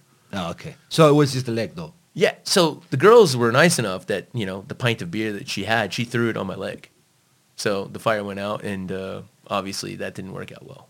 Okay. So Yeah. you didn't get laid. I just had a beer smelling leg, and, some of my hairs on my uh, calf Charred. was singed. Singed. Good word. Singed. Okay. And then, That's true. Besides, Um, no, then a lot of partying. I did my job. We left, and. Uh, okay. And um, yeah, I did. Back when Skype was like brand fucking new, man, I had a Skype interview with this guy named Damon Gallia, who was the manager of the Dhalia branch in St. Ju- of St. Paul's Bay, hmm and I got a job there. That was my first job. Real estate. Real yeah, estate. Super Maltese, bro. Super Doesn't get more Maltese than yeah, real man. estate And I lost that job within the first three months. How? Well, How? they, they said, Have- dude, I, I sold. How do you lose a real estate job, man? Yeah, I, I dude, didn't think I- it was possible. Yeah, well, I, I lost it, and I'll tell you how. See, back in those days, um, third country nationalists couldn't be self-employed, Ah, okay. okay. so I was illegally working at Dhalia. Dhalia, yeah, Yeah. and I wasted my fucking time, man. Did you sell Well, I didn't. I, I did. I did. I did. I did. I sold two two properties. Well, one, one, one One. property. Yeah, Ah, and it was good. That's not bad. What'd you sell? No, and it, had two bedroom. Apartment. Yeah, apartment. Yeah, Uh, in uh, Bugibba. cool. Yeah, it was a rental investment. Yeah, yeah, yeah, very popular. What year was this? Uh, 2010. 2010. Ah, it wasn't even at the boom. Like No, boom not was the like boom. 2015. I, think 15 was yes, like. I mean, if I was doing like it then, then I would have been doing good. yeah, man. yeah, true. Um, so And it was sales, it wasn't rents. No, no, sales, Yeah, sales, sales are far. Yeah, I was speaking to a friend of mine today who's doing letting. I was like, dude, I did letting for a bit.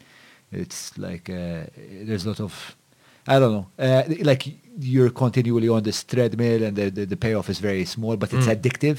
There's Yeah. an addictive element to it because you can get like small lettings here and there, and they can like, oh, like you're signing a contract, so you feel good, but really when you add it up, not that great. But then when you turn, when I turned to sales, that was, yeah, that was, uh, that's what got me out of my financial slump, man. To be honest, Really? yeah, yeah, yeah. I didn't Cool. like. There was an element of me that didn't en- enjoy it. Uh, there was Mm. an element of me that did because it's like there's a lot of adventure in it because you don't like every time you turn up for work, Yeah. you don't know if Meet you're gonna get new. fucking paid, and you don't know if you're gonna get fucking paid. So Man. you have to hunt. Like you have to really hunt and hustle. You're a fucking hunter. yeah, you have to. be. Totally. You have to be. Yeah. So um, that honed that part me. But then there was some shit that was like not entirely uh, immoral or whatever. Anyway, I did it for a year. I needed to do it for a year because otherwise I was going to wind up, I don't know, destitute. Uh, and then, uh, yeah. eventually I'm here. Destitute. Yeah. So meanwhile, uh, where's where's your family in all of this? Like while all this shit going on, Navy, you have a Maltese girlfriend.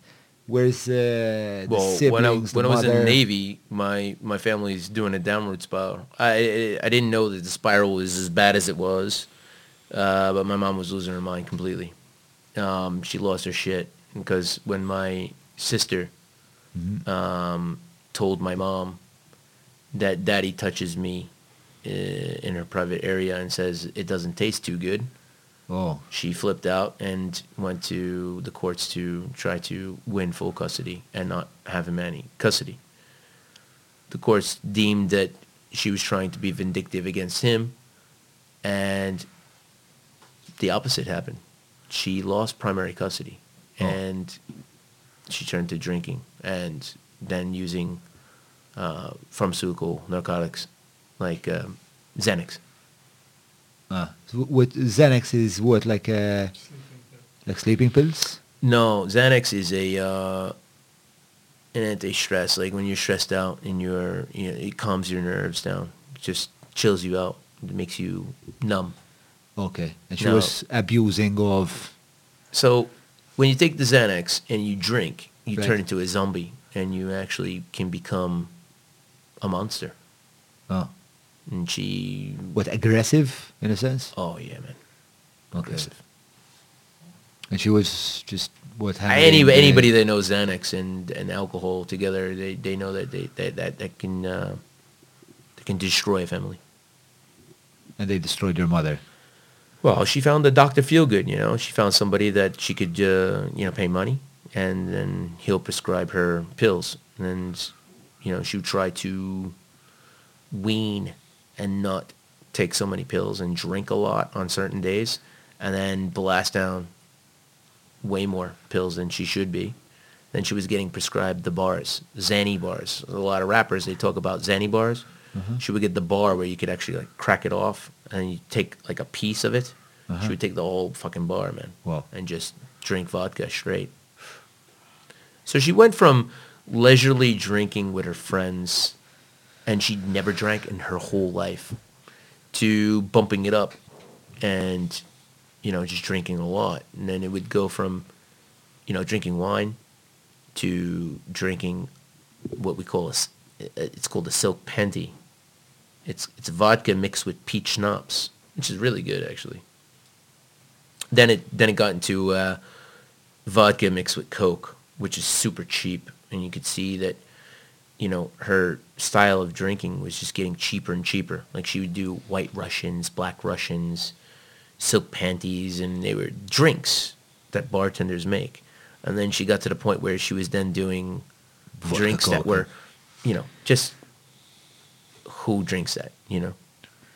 And then uh, it got to the point where she would be putting vodka in water bottles, where she'd be like sipping like that, and you'd know she was drinking vodka.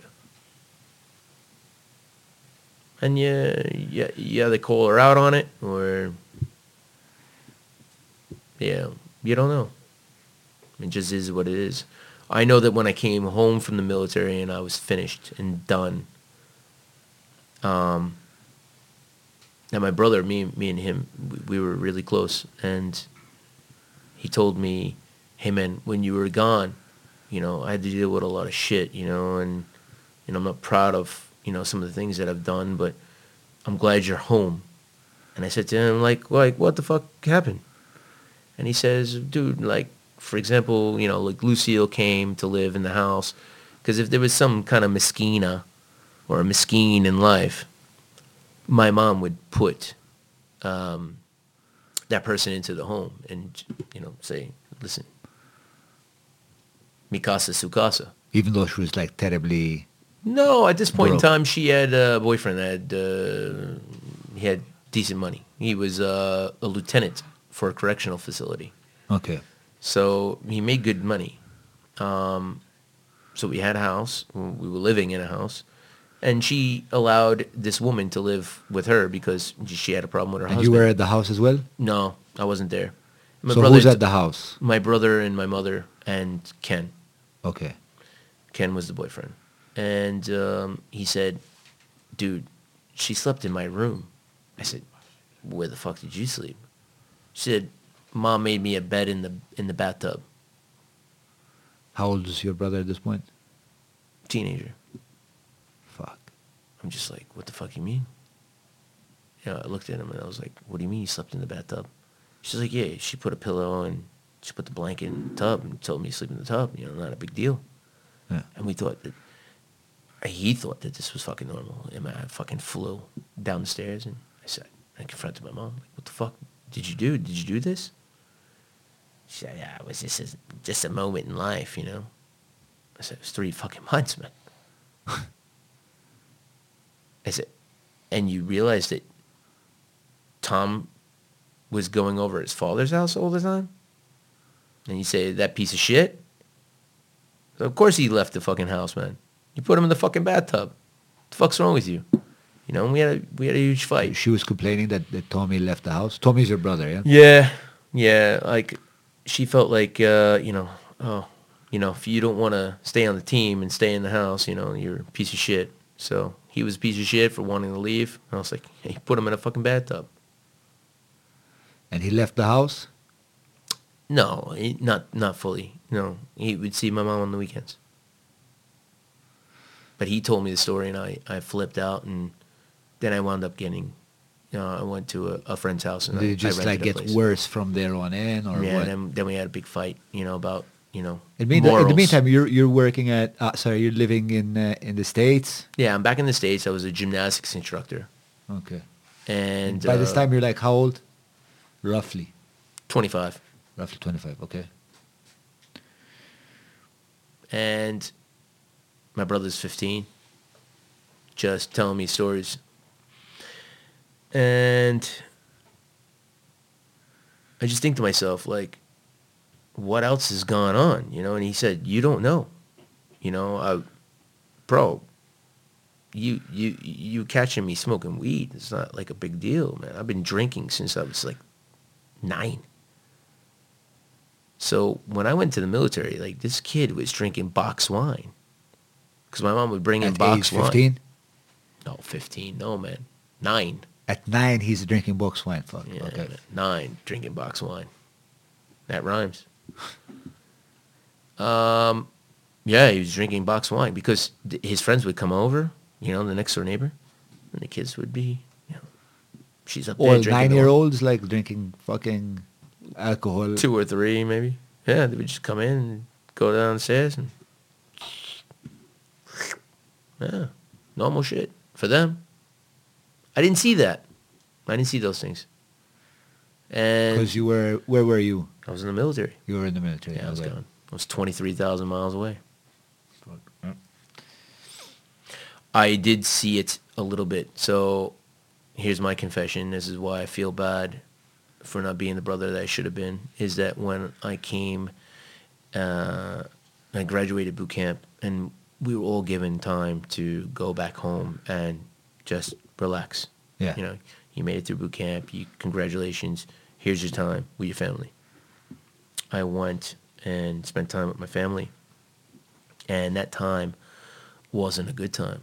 You know, we we fought because you know I found out that my mom was an addict, and I told her, "Fuck this, I'm not coming back." And I sold a lot of days back to the military. So the military gives you a certain amount of days, and the days that I accrued and sold back, I think I made over a thousand dollars in just vacation time that I just didn't take. So they'd be like, "Do you want to go anywhere?" I was like, "No." Why don't you want to go see your family? I'm like, it's okay. So that was my fault. I did have a fucking family. I had my brother, even though I didn't like what my mom was doing, and that you know I could have gone down to just grin and bear it. I wasn't there for him, you know.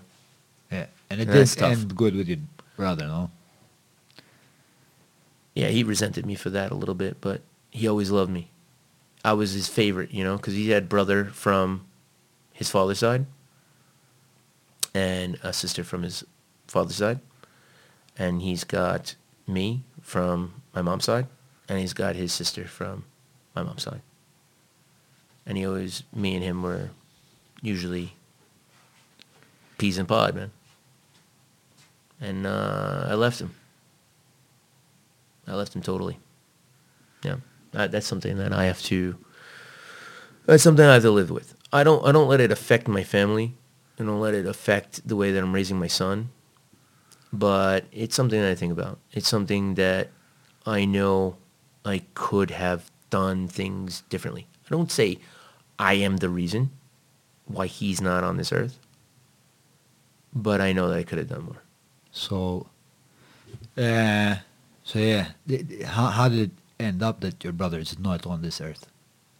Uh, my brother, he got involved with you know, people that were uh, shady characters, and um, he'd be like the thug.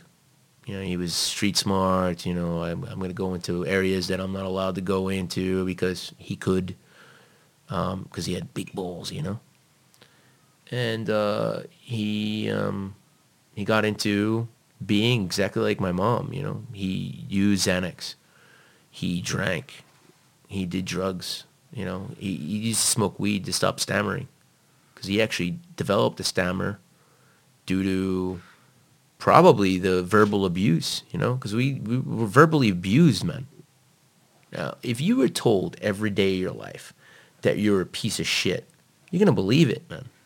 So I think my brother got, I got it as well, but he got it on a different level you know, and I, I just, I, I thought to myself, fuck, man.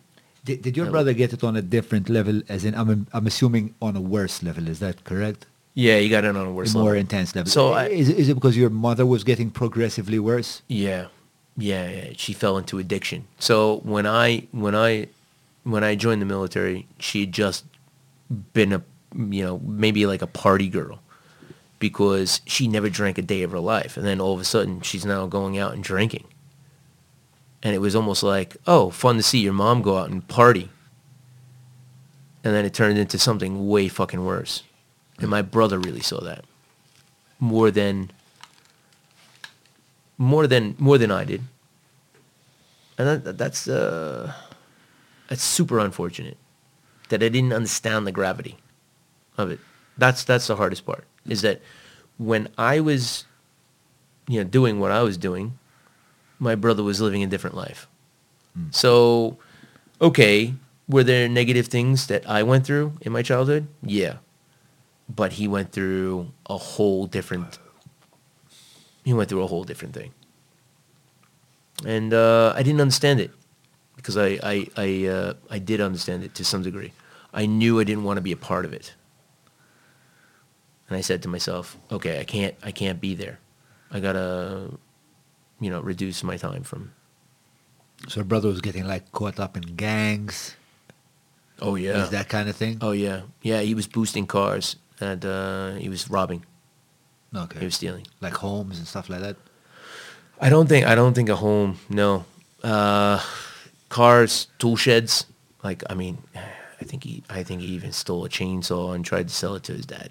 Like I mean, At the point though, you did because if I remember the story entirely correctly, you were in Malta Yeah. while while your brother was kind of going off the rails, yeah, I was. And then at the point you decided that you needed to step in. No, Yeah, yeah. It was his. Uh, it was uh, his ex girlfriend, Kristen. okay, she messaged me on Facebook and said, "Listen, I'm gonna let you know that Thomas um, stole from a friend's car of mine, and we caught him red-handed. And it's not the fact that you know we're not dating right now, but your brother's really bad. He's on serious drugs, and he doesn't even know what the fuck he's doing." And I said, "Are you serious?" And she says, "Yeah, he really needs you." So I said to my ex-girlfriend at the time, I got to leave. And uh, I'm going to go to New York. And she said, oh, yeah, well, I want to go to Spain anyway. And, you know, when you sort things out, maybe we'll meet in Spain. And I said, okay, but I have to take care of my family. So we, we separated. Um, she went to Spain and I went to America. And the relationship didn't work out anymore. And I tried to take care of my family. And um, the first day I landed in New York, uh, Sue, which is Tommy's um, stepmom at the time, said, "Can I meet you and tell you what's going on? Let's try to come up with a way to get him to go to a program to rehabilitate, rehabilitate him." himself. Yeah, And I said, okay, that's cool. Let's talk about it. Tommy found out that I talked to Sue and thought that I was a piece of shit. So the first two weeks that I was there, he refused to talk to me. On the second week, he said, oh, bro, I love you. Let's meet up. I met up with him, and he came out of a car with that. He was actually driving. And he came out, and he looked disheveled, man. If if I could use an adjective, it would be disheveled. And I've never seen my brother like that because my brother always took pride in, you know, looking fresh. You know, haircuts and everything. how did that make you feel? Like seeing your brother come out? I, w- I was, you know, some people would say sad. I was mad. I was angry because it was an old John. You know, I didn't I didn't understand it. You know, so I was pissed. I was pissed that he was that he was at that level. I was mad. And I looked at him and I said, "Dude, "What the fuck are you doing, man?" And he's like, "Oh, this is how he talked." Oh, bro, yeah, man, what's up, man? Eyes rolling. Totally fucked off. What's he on by this time? Is I said, how Xanax? I don't. I don't even know. I. I mean, yeah, he was taking Xanax, but then I found out that he was taking Suboxone, which was uh, a synthetic heroin. okay. That if you want to get off heroin, apparently you take these pills that are similar to it. Yeah, but he was partying with them, right? Like using it with Xanax, He probably was, alcohol. he was fucking driving with them, man. Fuck. Yeah. So I, I, I told him like, dude, how did you make it here Yeah. alive? Um, we went to um, a restaurant where obviously I paid because these guys don't have fucking money. And I'll never forget the waiter looked at me like, "What are you doing with these two people?" Because you know I'm obviously with full You're looking sober. yeah, I'm a sober guy, and you got two people that is zombies, because he came with his girlfriend at the time. Um, Who was also an addict or I don't even know what she was, man. She said she was a waitress, but I think she was a stripper. I don't. I don't even know. What was she fucked off her face? Just Oh like yeah, zombie dude, Zombie dog. Okay. all over the place. And um, I was sitting there, and I'll never forget it. I had the, it was the Outback Steakhouse, and I was having a uh, the beef dip. Both have beef dip, and we're talking, and the conversation was good because we were talking about normal shit. And his girlfriend chimed in and said, "Look, Tommy, look at that little boy." And I looked over, and there was a little boy. She goes, "Oh, we should go over there and take him." And I looked at her and I went, "The fuck, the fuck are you talking about, man?" Fuck. And I looked at Thomas and I said, I said, dude, what are you with right now? What the fuck is going on? He's like, she's just playing, dog. She says, no, totally take that fucking kid. We could raise him. And I said, can't even raise your eyelids. What could you raise, man? What the hell are you saying, man? And I told my brother right in front of her face, I said, what are you with this trash, man? And he looked at me, he's like, oh, man. He's like, what am I going to do? So I find out that Sue and his father threw him out of the house because he was too hard to deal with. And it's tough love. So they, they beat themselves up over it, or Sue does, I think more than the father does. Um, and shit, I would too. I would feel bad, you know. We're not on a bad relationship. Um, she talks and comments on my Facebook, which Facebook is just used for my business. I don't really use it to communicate with people. Um, she takes it seriously hard because she feels that she let him go. And you know, we did. We did. We let him. We let him live with certain people and make bad choices, and we weren't there to foster him. He was my little brother, you know, and I think I could have done a better job. Uh, like John, I didn't. I didn't know how to. I didn't even know what kind of emotions to feel, you know, at this time, you know. And now, I feel sorry that I didn't step in the way that. If I, if I had been given this from what I know now, I would have handled it differently. But the only thing that I could have said was is that I said, I love you, but you're fucking up. You, you, you're fucking up horribly. And you got to fucking change your shit. Get your shit together. And um, funny enough, two days after that, he called me up and he was telling me about, you know, how I was his hero and that he loved me so much, you know, and uh, we had, I think, about a two-hour conversation on the phone and we just talked, man. I had to connect my phone to the charger. I mean, we just talked all all night long. And he told me, you know, like you're the only one I really connected with, and I love a lot. And uh, I want to move in with you. I want to get out of here and, you know, do better. And um, you know, it's hard to say because uh, after that phone call, I mean, he died uh, one day after that and uh, I told him I put in an application to, um, you know, um, to a couple of um, to a couple of police academies to get a job, you know, working as a police officer. And I told him we have to get out of New York and, and, and we'll move in, and you can move in with me, but I, I don't have the resources to, you know, get an apartment with you right now. And he just said, no, man, we'll stay in New York and, you know, let's move in together and, you know, I'll make money, you know. And uh, I told him, no, it doesn't work that way, you know. And uh, what do you do when your little brother reaches out for you, tells you that you're his hero, and he's asking you for help, and you don't have the resources to help? You know, that's that's huge, you know. And um, when I got the phone call from Sue saying that my brother is dead, uh, I just said, I just said no. And it was a, a surreal moment. And um, most people would turn to alcohol. Like I was an alcoholic. And I didn't turn to alcohol. I actually, I stayed away from everyone. I shut off. totally shut off. I wrote my feelings on paper, and um, I spoke uh, at his funeral, and um, with the way that I spoke about my brother, most people thought that I was his father, and his actual father had, uh, you know, spoke, and he said, you know, you really have to watch your kids, and you never know uh, when their last day could be. So, you know, they just thought that maybe he was a friend. So it was uh, it was hard, and I, I felt like I felt like uh, I was the only man in that room, and I think I cried more in that moment than I ever cried in my life.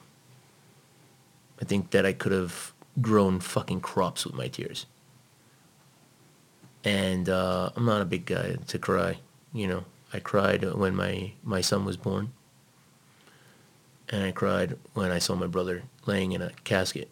And I didn't think that that's something that I would do when he was 24 years old. Just not something that you, I don't think anything in this world can prepare you for that. Like if any anyone was to go, it should have been me. You know, I'm ten years apart from him. So in theory, you know, we should have lived a long life, and I should have gone, and he should have gone after. And it didn't didn't didn't turn out that way. And then you, I get all the people that say, John, it wasn't your fault. And okay, you can say that, but you know what? I could have done a lot more. And some people say, but you weren't good enough in life to help him at that point in time. And that's the part that kills me the most is that listen to that statement. You weren't good enough to help your brother when he calls you and tells you that you're his fucking hero. His hero couldn't save him. That just hits you. You're like, boom. And most people, they think it's a joke. You know, when I tell them that story, they're always, you know, in the, in the world we, we live in now, you know, when you tell somebody something real, like I'm telling you, most people will justify, you know, my actions. And I, I don't need somebody to justify it. I know that it could have been there more. I know I could have done a lot more. And then people say, no, d- don't bang yourself up for it. Do I bang myself up for it? No. I provide for my kid, and I don't let it get to me to the point where I'm going to hurt other people's lives. But I hold it right here. And I know I could have done more. I know that this kid loved me with every bone in his body. No matter how addicted he was, he still was a good person. And that good person needed a good brother. And at that time, I wasn't a good fucking brother. And, what did you take from that? I took a huge fucking lesson. That's the biggest lesson that you'll ever learn in your life. When you lose someone that you love, there's no, there's no other, there's no other lesson harder than that. When you lose someone, like I don't know if you have a brother or a sister, imagine losing that person. And knowing that they reached out for help for you. They said, you know, John, can I live with you? And you say, I can't. Because at the time I was living with a friend. He was helping me out. I, didn't have a, a home of my own. Of course I would have let him live with me if it was my apartment. But I didn't have it. Imagine if your brother or your sister said, John, I need a place to stay. I need to live with you. Let's try to get better. I know that I'm in the wrong. Let's make it right together. Hmm. And you can't be there.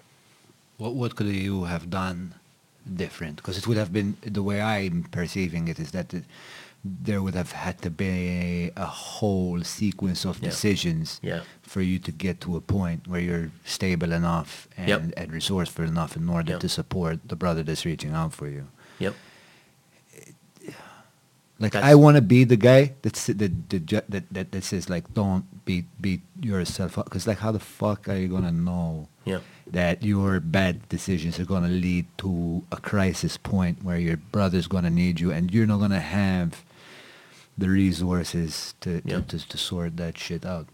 I mean, I, I think I reason it this way is that I say, okay, well,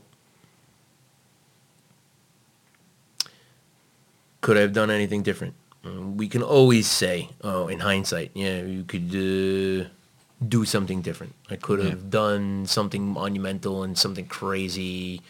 I could have taken my savings, which I had savings, and, and, and put it down a down payment on an apartment, and we could have failed you know, miserably and been kicked out of that apartment.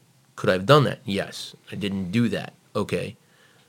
But when you ask that question, you say that, it's like, yeah, I play that over in my head. There's nothing else I could have done in that point in time. But I hold myself accountable for it. And I don't do it in a negative way where I say, okay, I'm going to beat myself up and I'm going to kill myself over it.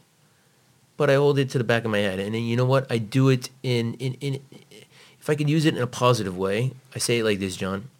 If there's someone that I can help, I'll do it in my brother's name. I have to honor my brother and help someone that could be leading off into the wrong, road. Now, that doesn't mean drugs. It could mean, okay, listen, maybe a kid's being raised by parents or a parent that isn't fully there. You know, maybe they're young, they don't have their shit together. And usually when people don't have their shit together, they raise their kids with their shit not together. And then that kid will continue that cycle. And uh, I, I would like to say that if I could break the cycle and reach out to one, maybe two, maximum three people, if I can reach out and just help one, then I can say that at least I did it in my brother's name. Then I could say I helped someone. So if uh, anyone's listening to this podcast and perhaps you're that person or you know someone who could have a, a, shoulder to lean on and, and could get some guidance and some fortitude and through physical training uh, can uh, fortify his, his mind and his attitude, uh, well, just, just write to me and I, I- I'll be sure to uh, to put you guys in touch, Cool, man. and and and, and we'll do that in, in Tommy's Tommy's name, and it's fucking hard. It's Yeah. fucking hard. And and in the meantime, like your your your mom's like not doing too well, or No, my mom passed away as well. So uh, my mom passed away uh, before my brother died. And when my uh, when my mom passed away, I'd uh, had a lot of resentment towards, um, you know, ultimately. I mean, I went I went through, so I got a DWI. I actually uh, uh, driving. yeah, driving while intoxicated. So uh, I went out with a bunch of, you know, some sailors that, you know, came down to, hey, show me a good time. And we went out, to strip clubs, everything, the whole nine. Um, I was pulled over and they gave me a sobriety test, which obviously I failed miserably. And uh, they sent me down to the station and uh, I was charged with that DWI. I was uh, three times over the illegal limit and um, that came with a consequence. Eh, It also came with a huge fine, which I didn't have the money to pay for this fine. And go figure, you know, my brother was hit by a car riding his bike on the service road, which he shouldn't have been there anyway. And when he was hit by the uh, car, obviously his father got him in touch with a lawyer and they sued and he won 50,000 euros, uh, $50,000 say fifty thousand dollars. And I think this was the decline in my brother. My brother was a super hard worker. He worked for his first car, which was a Chrysler 300M, and this kid used to bust his ass at McDonald's. This guy was I used to call him burger mechanic, because this guy could put together burgers like make the burgers, and I was super proud of him because when I saw him making those burgers, I didn't see a kid that's just making burgers. I saw a kid that made burgers like I've never seen any fucking kid make burgers. I was like, damn, dude. So you know what they say? They always say, you know, if you're gonna do something, do it fucking great. Yeah. Yeah, like we were my- saying before, no? Man, my fucking brother did it, man. I mean, like, dude, when this guy did it, he had to make sure he was the best. When he was a pizza delivery kid, he made more deliveries than anyone else did. He was like the. He got away with stupid shit. Like he would have his dog all the time with him, and he would put his dog in the fucking front seat, and then the pizza would be in the back. it's crazy, man. This kid just got away with so much shit. You know. Um, but man, he's just he worked, and when he won that money, he he we we saw a decline in him. And he started, you know, being a big baller, Yeah. you know, doing hotel parties and saying, you know, like, "I'm- I'm going to fund everybody. Well, he funded my fucking ticket too. So when I needed him, that dude picked me up because I didn't have a license anymore, obviously. I'm, I'm, he said, pick me up, bring me to work.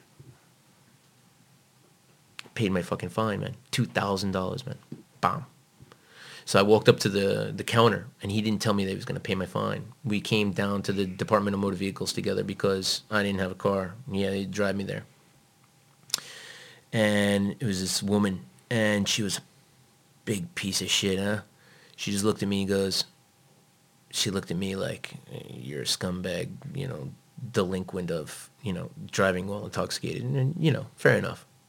You know, judging books by the cover, totally looked at me like I was a piece of shit. And she goes, so I'm assuming that you're going to be making payments. And my brother said, who the fuck do you think you're talking to? Like, you're a fucking social worker. I mean, you're, you're, you're a government worker. Like, treat us with fucking respect, man. And she's like, excuse me? And he goes, we're not going to be making payments. We're just going to pay this fucking fine. How much is it? That would be $2,000. He goes, bomb, threw it out like a, like a gangster. Just threw down 2,000 bucks. He knew it was going to be money, huh? He just threw it down there and he goes, give me the receipt. We're fucking done with you. You know, that's how he was, you know? Um, so he was there for me. Yeah. That's another thing that fucking helps me, is that my brother was the type of person that he would give you the shirt right off his back, if that's what you needed. But yet, you know, did he do stupid shit? Mm. Did he die i- i- in a? You'd look at him and say, "Oh, he did this, he did that. He's a bad person." He's not a bad person. He died of uh, like intoxication, like drugs, overdose. Oh yeah, he overdosed. He took a Suboxone. He, I think he cocktailed it with uh, Xanax and alcohol, and he just slipped away. Heart gave way, or You know, honestly, John, I didn't get involved with understanding the whole story completely because I know the type of person that I am, and if I got involved with it, then I probably would have went to jail. I said, I honestly need to step back. I need to regroup, and I didn't talk to any family members. There were two days where I just I went off grid, where I just said I have to. I had to meditate. I had to I had to focus on what's important. And I didn't turn to drinking. I didn't uh, turn to... It didn't kick in until I saw him. Um, he had an open casket. And um, when I walked into the room, I just... I don't think I really saw anything because I think I was just constantly under tears, streaming tears. So everything was like... Uh, like when you're swimming in a swimming pool and you're looking under the swimming pool. yeah. I think that was kind of like that. And uh, uh, after all this, like you told us some pretty mad stories, uh, a lot of uh, pain there and, and emotional anguish. Uh, where are you? Where are you now? Like in your life? How old are you now, bro? How old are you now? I'm 39. Thirty-nine. All right. 39, feeling fine. You're looking over the hill. Yeah, man, dude, I'm getting some grays in here. Yeah, they're Yeah, likewise, dude. coming out, dude. It's okay. At least you keep fit, man. I'm keeping fat. Hey, man, they're both with Fs, dude. and you know what? You're in shape because round is a fucking shape. I would have preferred if you went, ah, you're not that bad. But yeah, round is a shape. I'm a pretty truthful guy, man. uh, I didn't expect anything else out of you, bro. Uh, so yeah, what, where, where, what's your, where, where's your mindset at now? Like after all that life story, uh, what's the present like? Okay. Um, they say you live and you learn. Mm-hmm. And dude, every day is a, a learning day, man. We, we, we, um, we go through life and I believe that everything they say happens for a reason. And I don't like to say that that should have happened, but through my brother passing and through my life and all the things that I've done, it's, it's made me a better person. Um, I reevaluated the stupid shit that I was, and I understood that, man, I'm a piece of shit at this moment. I couldn't, I couldn't help a brother. Um, I didn't have my own place. Now I have all those things. Uh, I have a, I have a little, I have a little me running around that needs to depend on me, and I'm there. What's your kid's name? Tommy, uh, Thomas. So I named him after my brother. And it's funny because uh, uh, me and Melanie, we, we we were talking when we were dating, and she said, you know, um, you know, if I ever had a child, I would really love to name him Thomas because it's just a name that me and my sister said if we had a boy, we would name him that. I said, wow, it's really meant to be that we're together because if we have a kid, I want to name my son Thomas. And I told her the story about my brother and how he how he how he died. So that was uh, that's weird that you that you asked that question and that she actually wanted that name as well. So it wasn't just me. Well, I, I obviously asked the question because before we Yeah. started shooting, Yeah. we had a little call with your with your son, and Uh, I remembered. yeah. Wait, he was calling him Tommy, and his brother is Tommy, and now it's like uh, your brother is living vicariously through your son, and now you have the resources to provide for your son. Now Yeah. you're there for your son. Yep, Eh, So to me, that's uh, redemption, man. I think so. That's redemption. I would, uh, you know, sometimes I feel like um, that he's like re- reincarnated, and then he's there because he always looked up to me like a dad, and if he was reincarnated, it's almost like now I am his dad, That's dope. and I feel like um, it's an extension. I he's wish you guys he's, he's Thomas Cogswell, so he's got my he's got my name, he's got my brother's name. Yeah. It's totally Yeah, hope he doesn't turn up at Chiswick and they start calling him Cocksmell as well. eh? you know that that actually my Chiswick's uh, we're looking at Chiswick actually. Um, so, uh, bro, let's go to the let's go to the. It's like a quick fire, uh, fun round, right? All right, Uh, which is a bit lighter than everything else. Uh, so, what music do you listen to and why? Oh man, dude, uh, what kind of music do I listen to? All right, so if I'm so if I'm running, Mm-hmm. go figure this out. And if I'm running and I really really pushing the heart rate, Mm-hmm. I actually listen to uh, Indian yoga music. Oh, wow. Yeah, Sadhguru. So I go into Sadhguru's uh, mix, Mm-hmm. and it's like more chanting music. Be Is it like upbeat? No, no, No? man, no. It's slow, and, and and how I reason that is that when I listen to it, it actually calms me down. Okay. So when I'm running and I'm pushing the heart rate and it's pumping, Mm-hmm. I want the music to actually take my heart rate down Mm-hmm. so that I can last. Because I really don't want to endure something for very long when I have metal music popping out and I'm blasting off because then I'm over revving. Mm-hmm. It's like uh, it's like racing a car, and you're not shifting out of second gear. Man, you need to give it to the next gear so that you're not pressing those gears out. Mm-hmm. So if the music's too hard for me, it gets me overexcited, and then I start to burn out. So this music kind of levels me, keeps me steady. Cool. Now if I'm lifting a heavy deadlift, hard rap, hard rock, Yeah.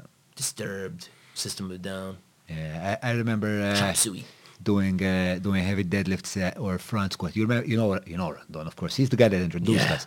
Randon used to love the front squat. Oh, Remember, he was like obsessed with the front squat, and he got me obsessed with the front squat as well. So every morning we would turn up at Lords, Yeah. and we would do like, and he would put Eminem on. Yeah, cool. Yeah, And something like uh, that. for sure at like 8 a.m., Steve would turn up, and Oh, yeah. Steve would go, "This is the devil's music." Yeah, and, and he turned.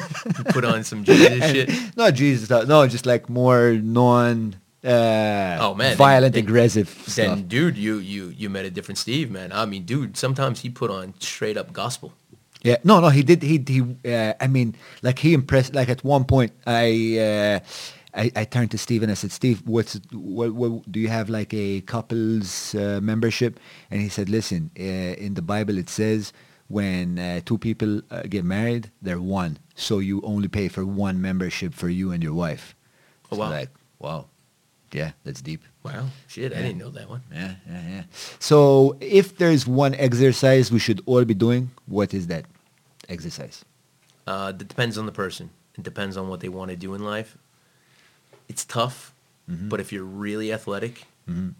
I'd say if I was to say to any athlete out there, Mhm.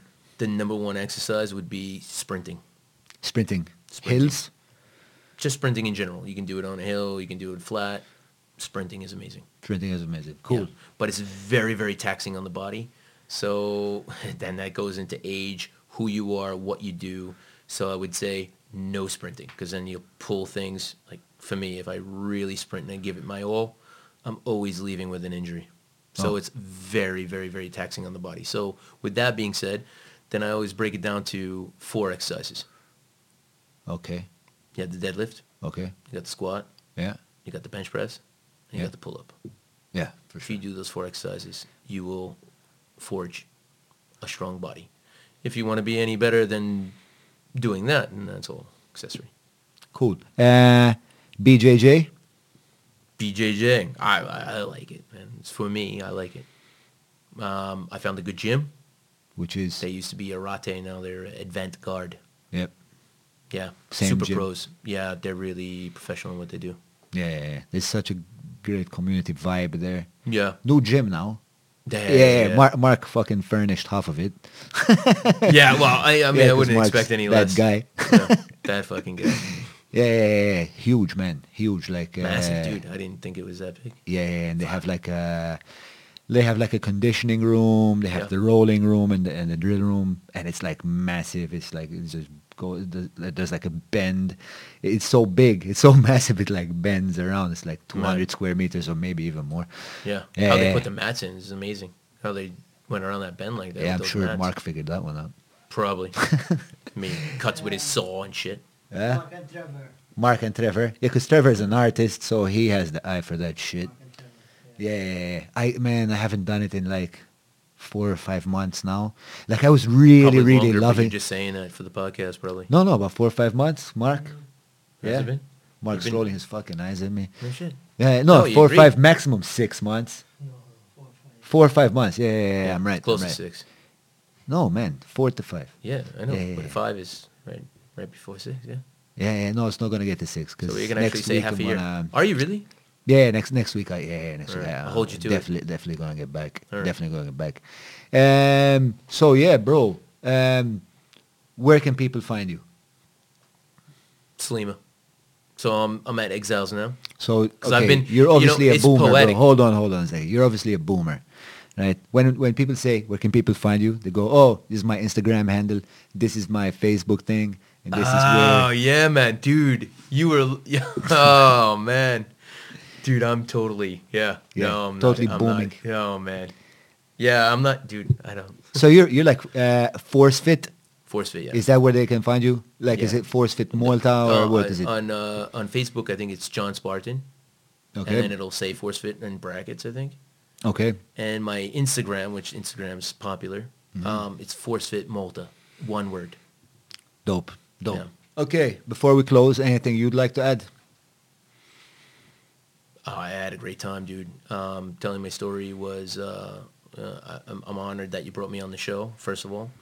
Um, you've always been, you know, an awesome dude in my life as well. I didn't know that I helped you out, but I'm really, I'm really stoked that I could have helped you out of a hard time, and it makes me feel better.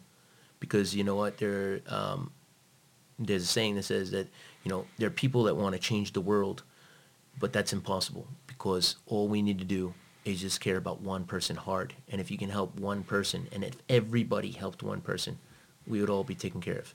So if I could say that you confirm that I helped you out in a hard time, that at least I reached out and I touched somebody.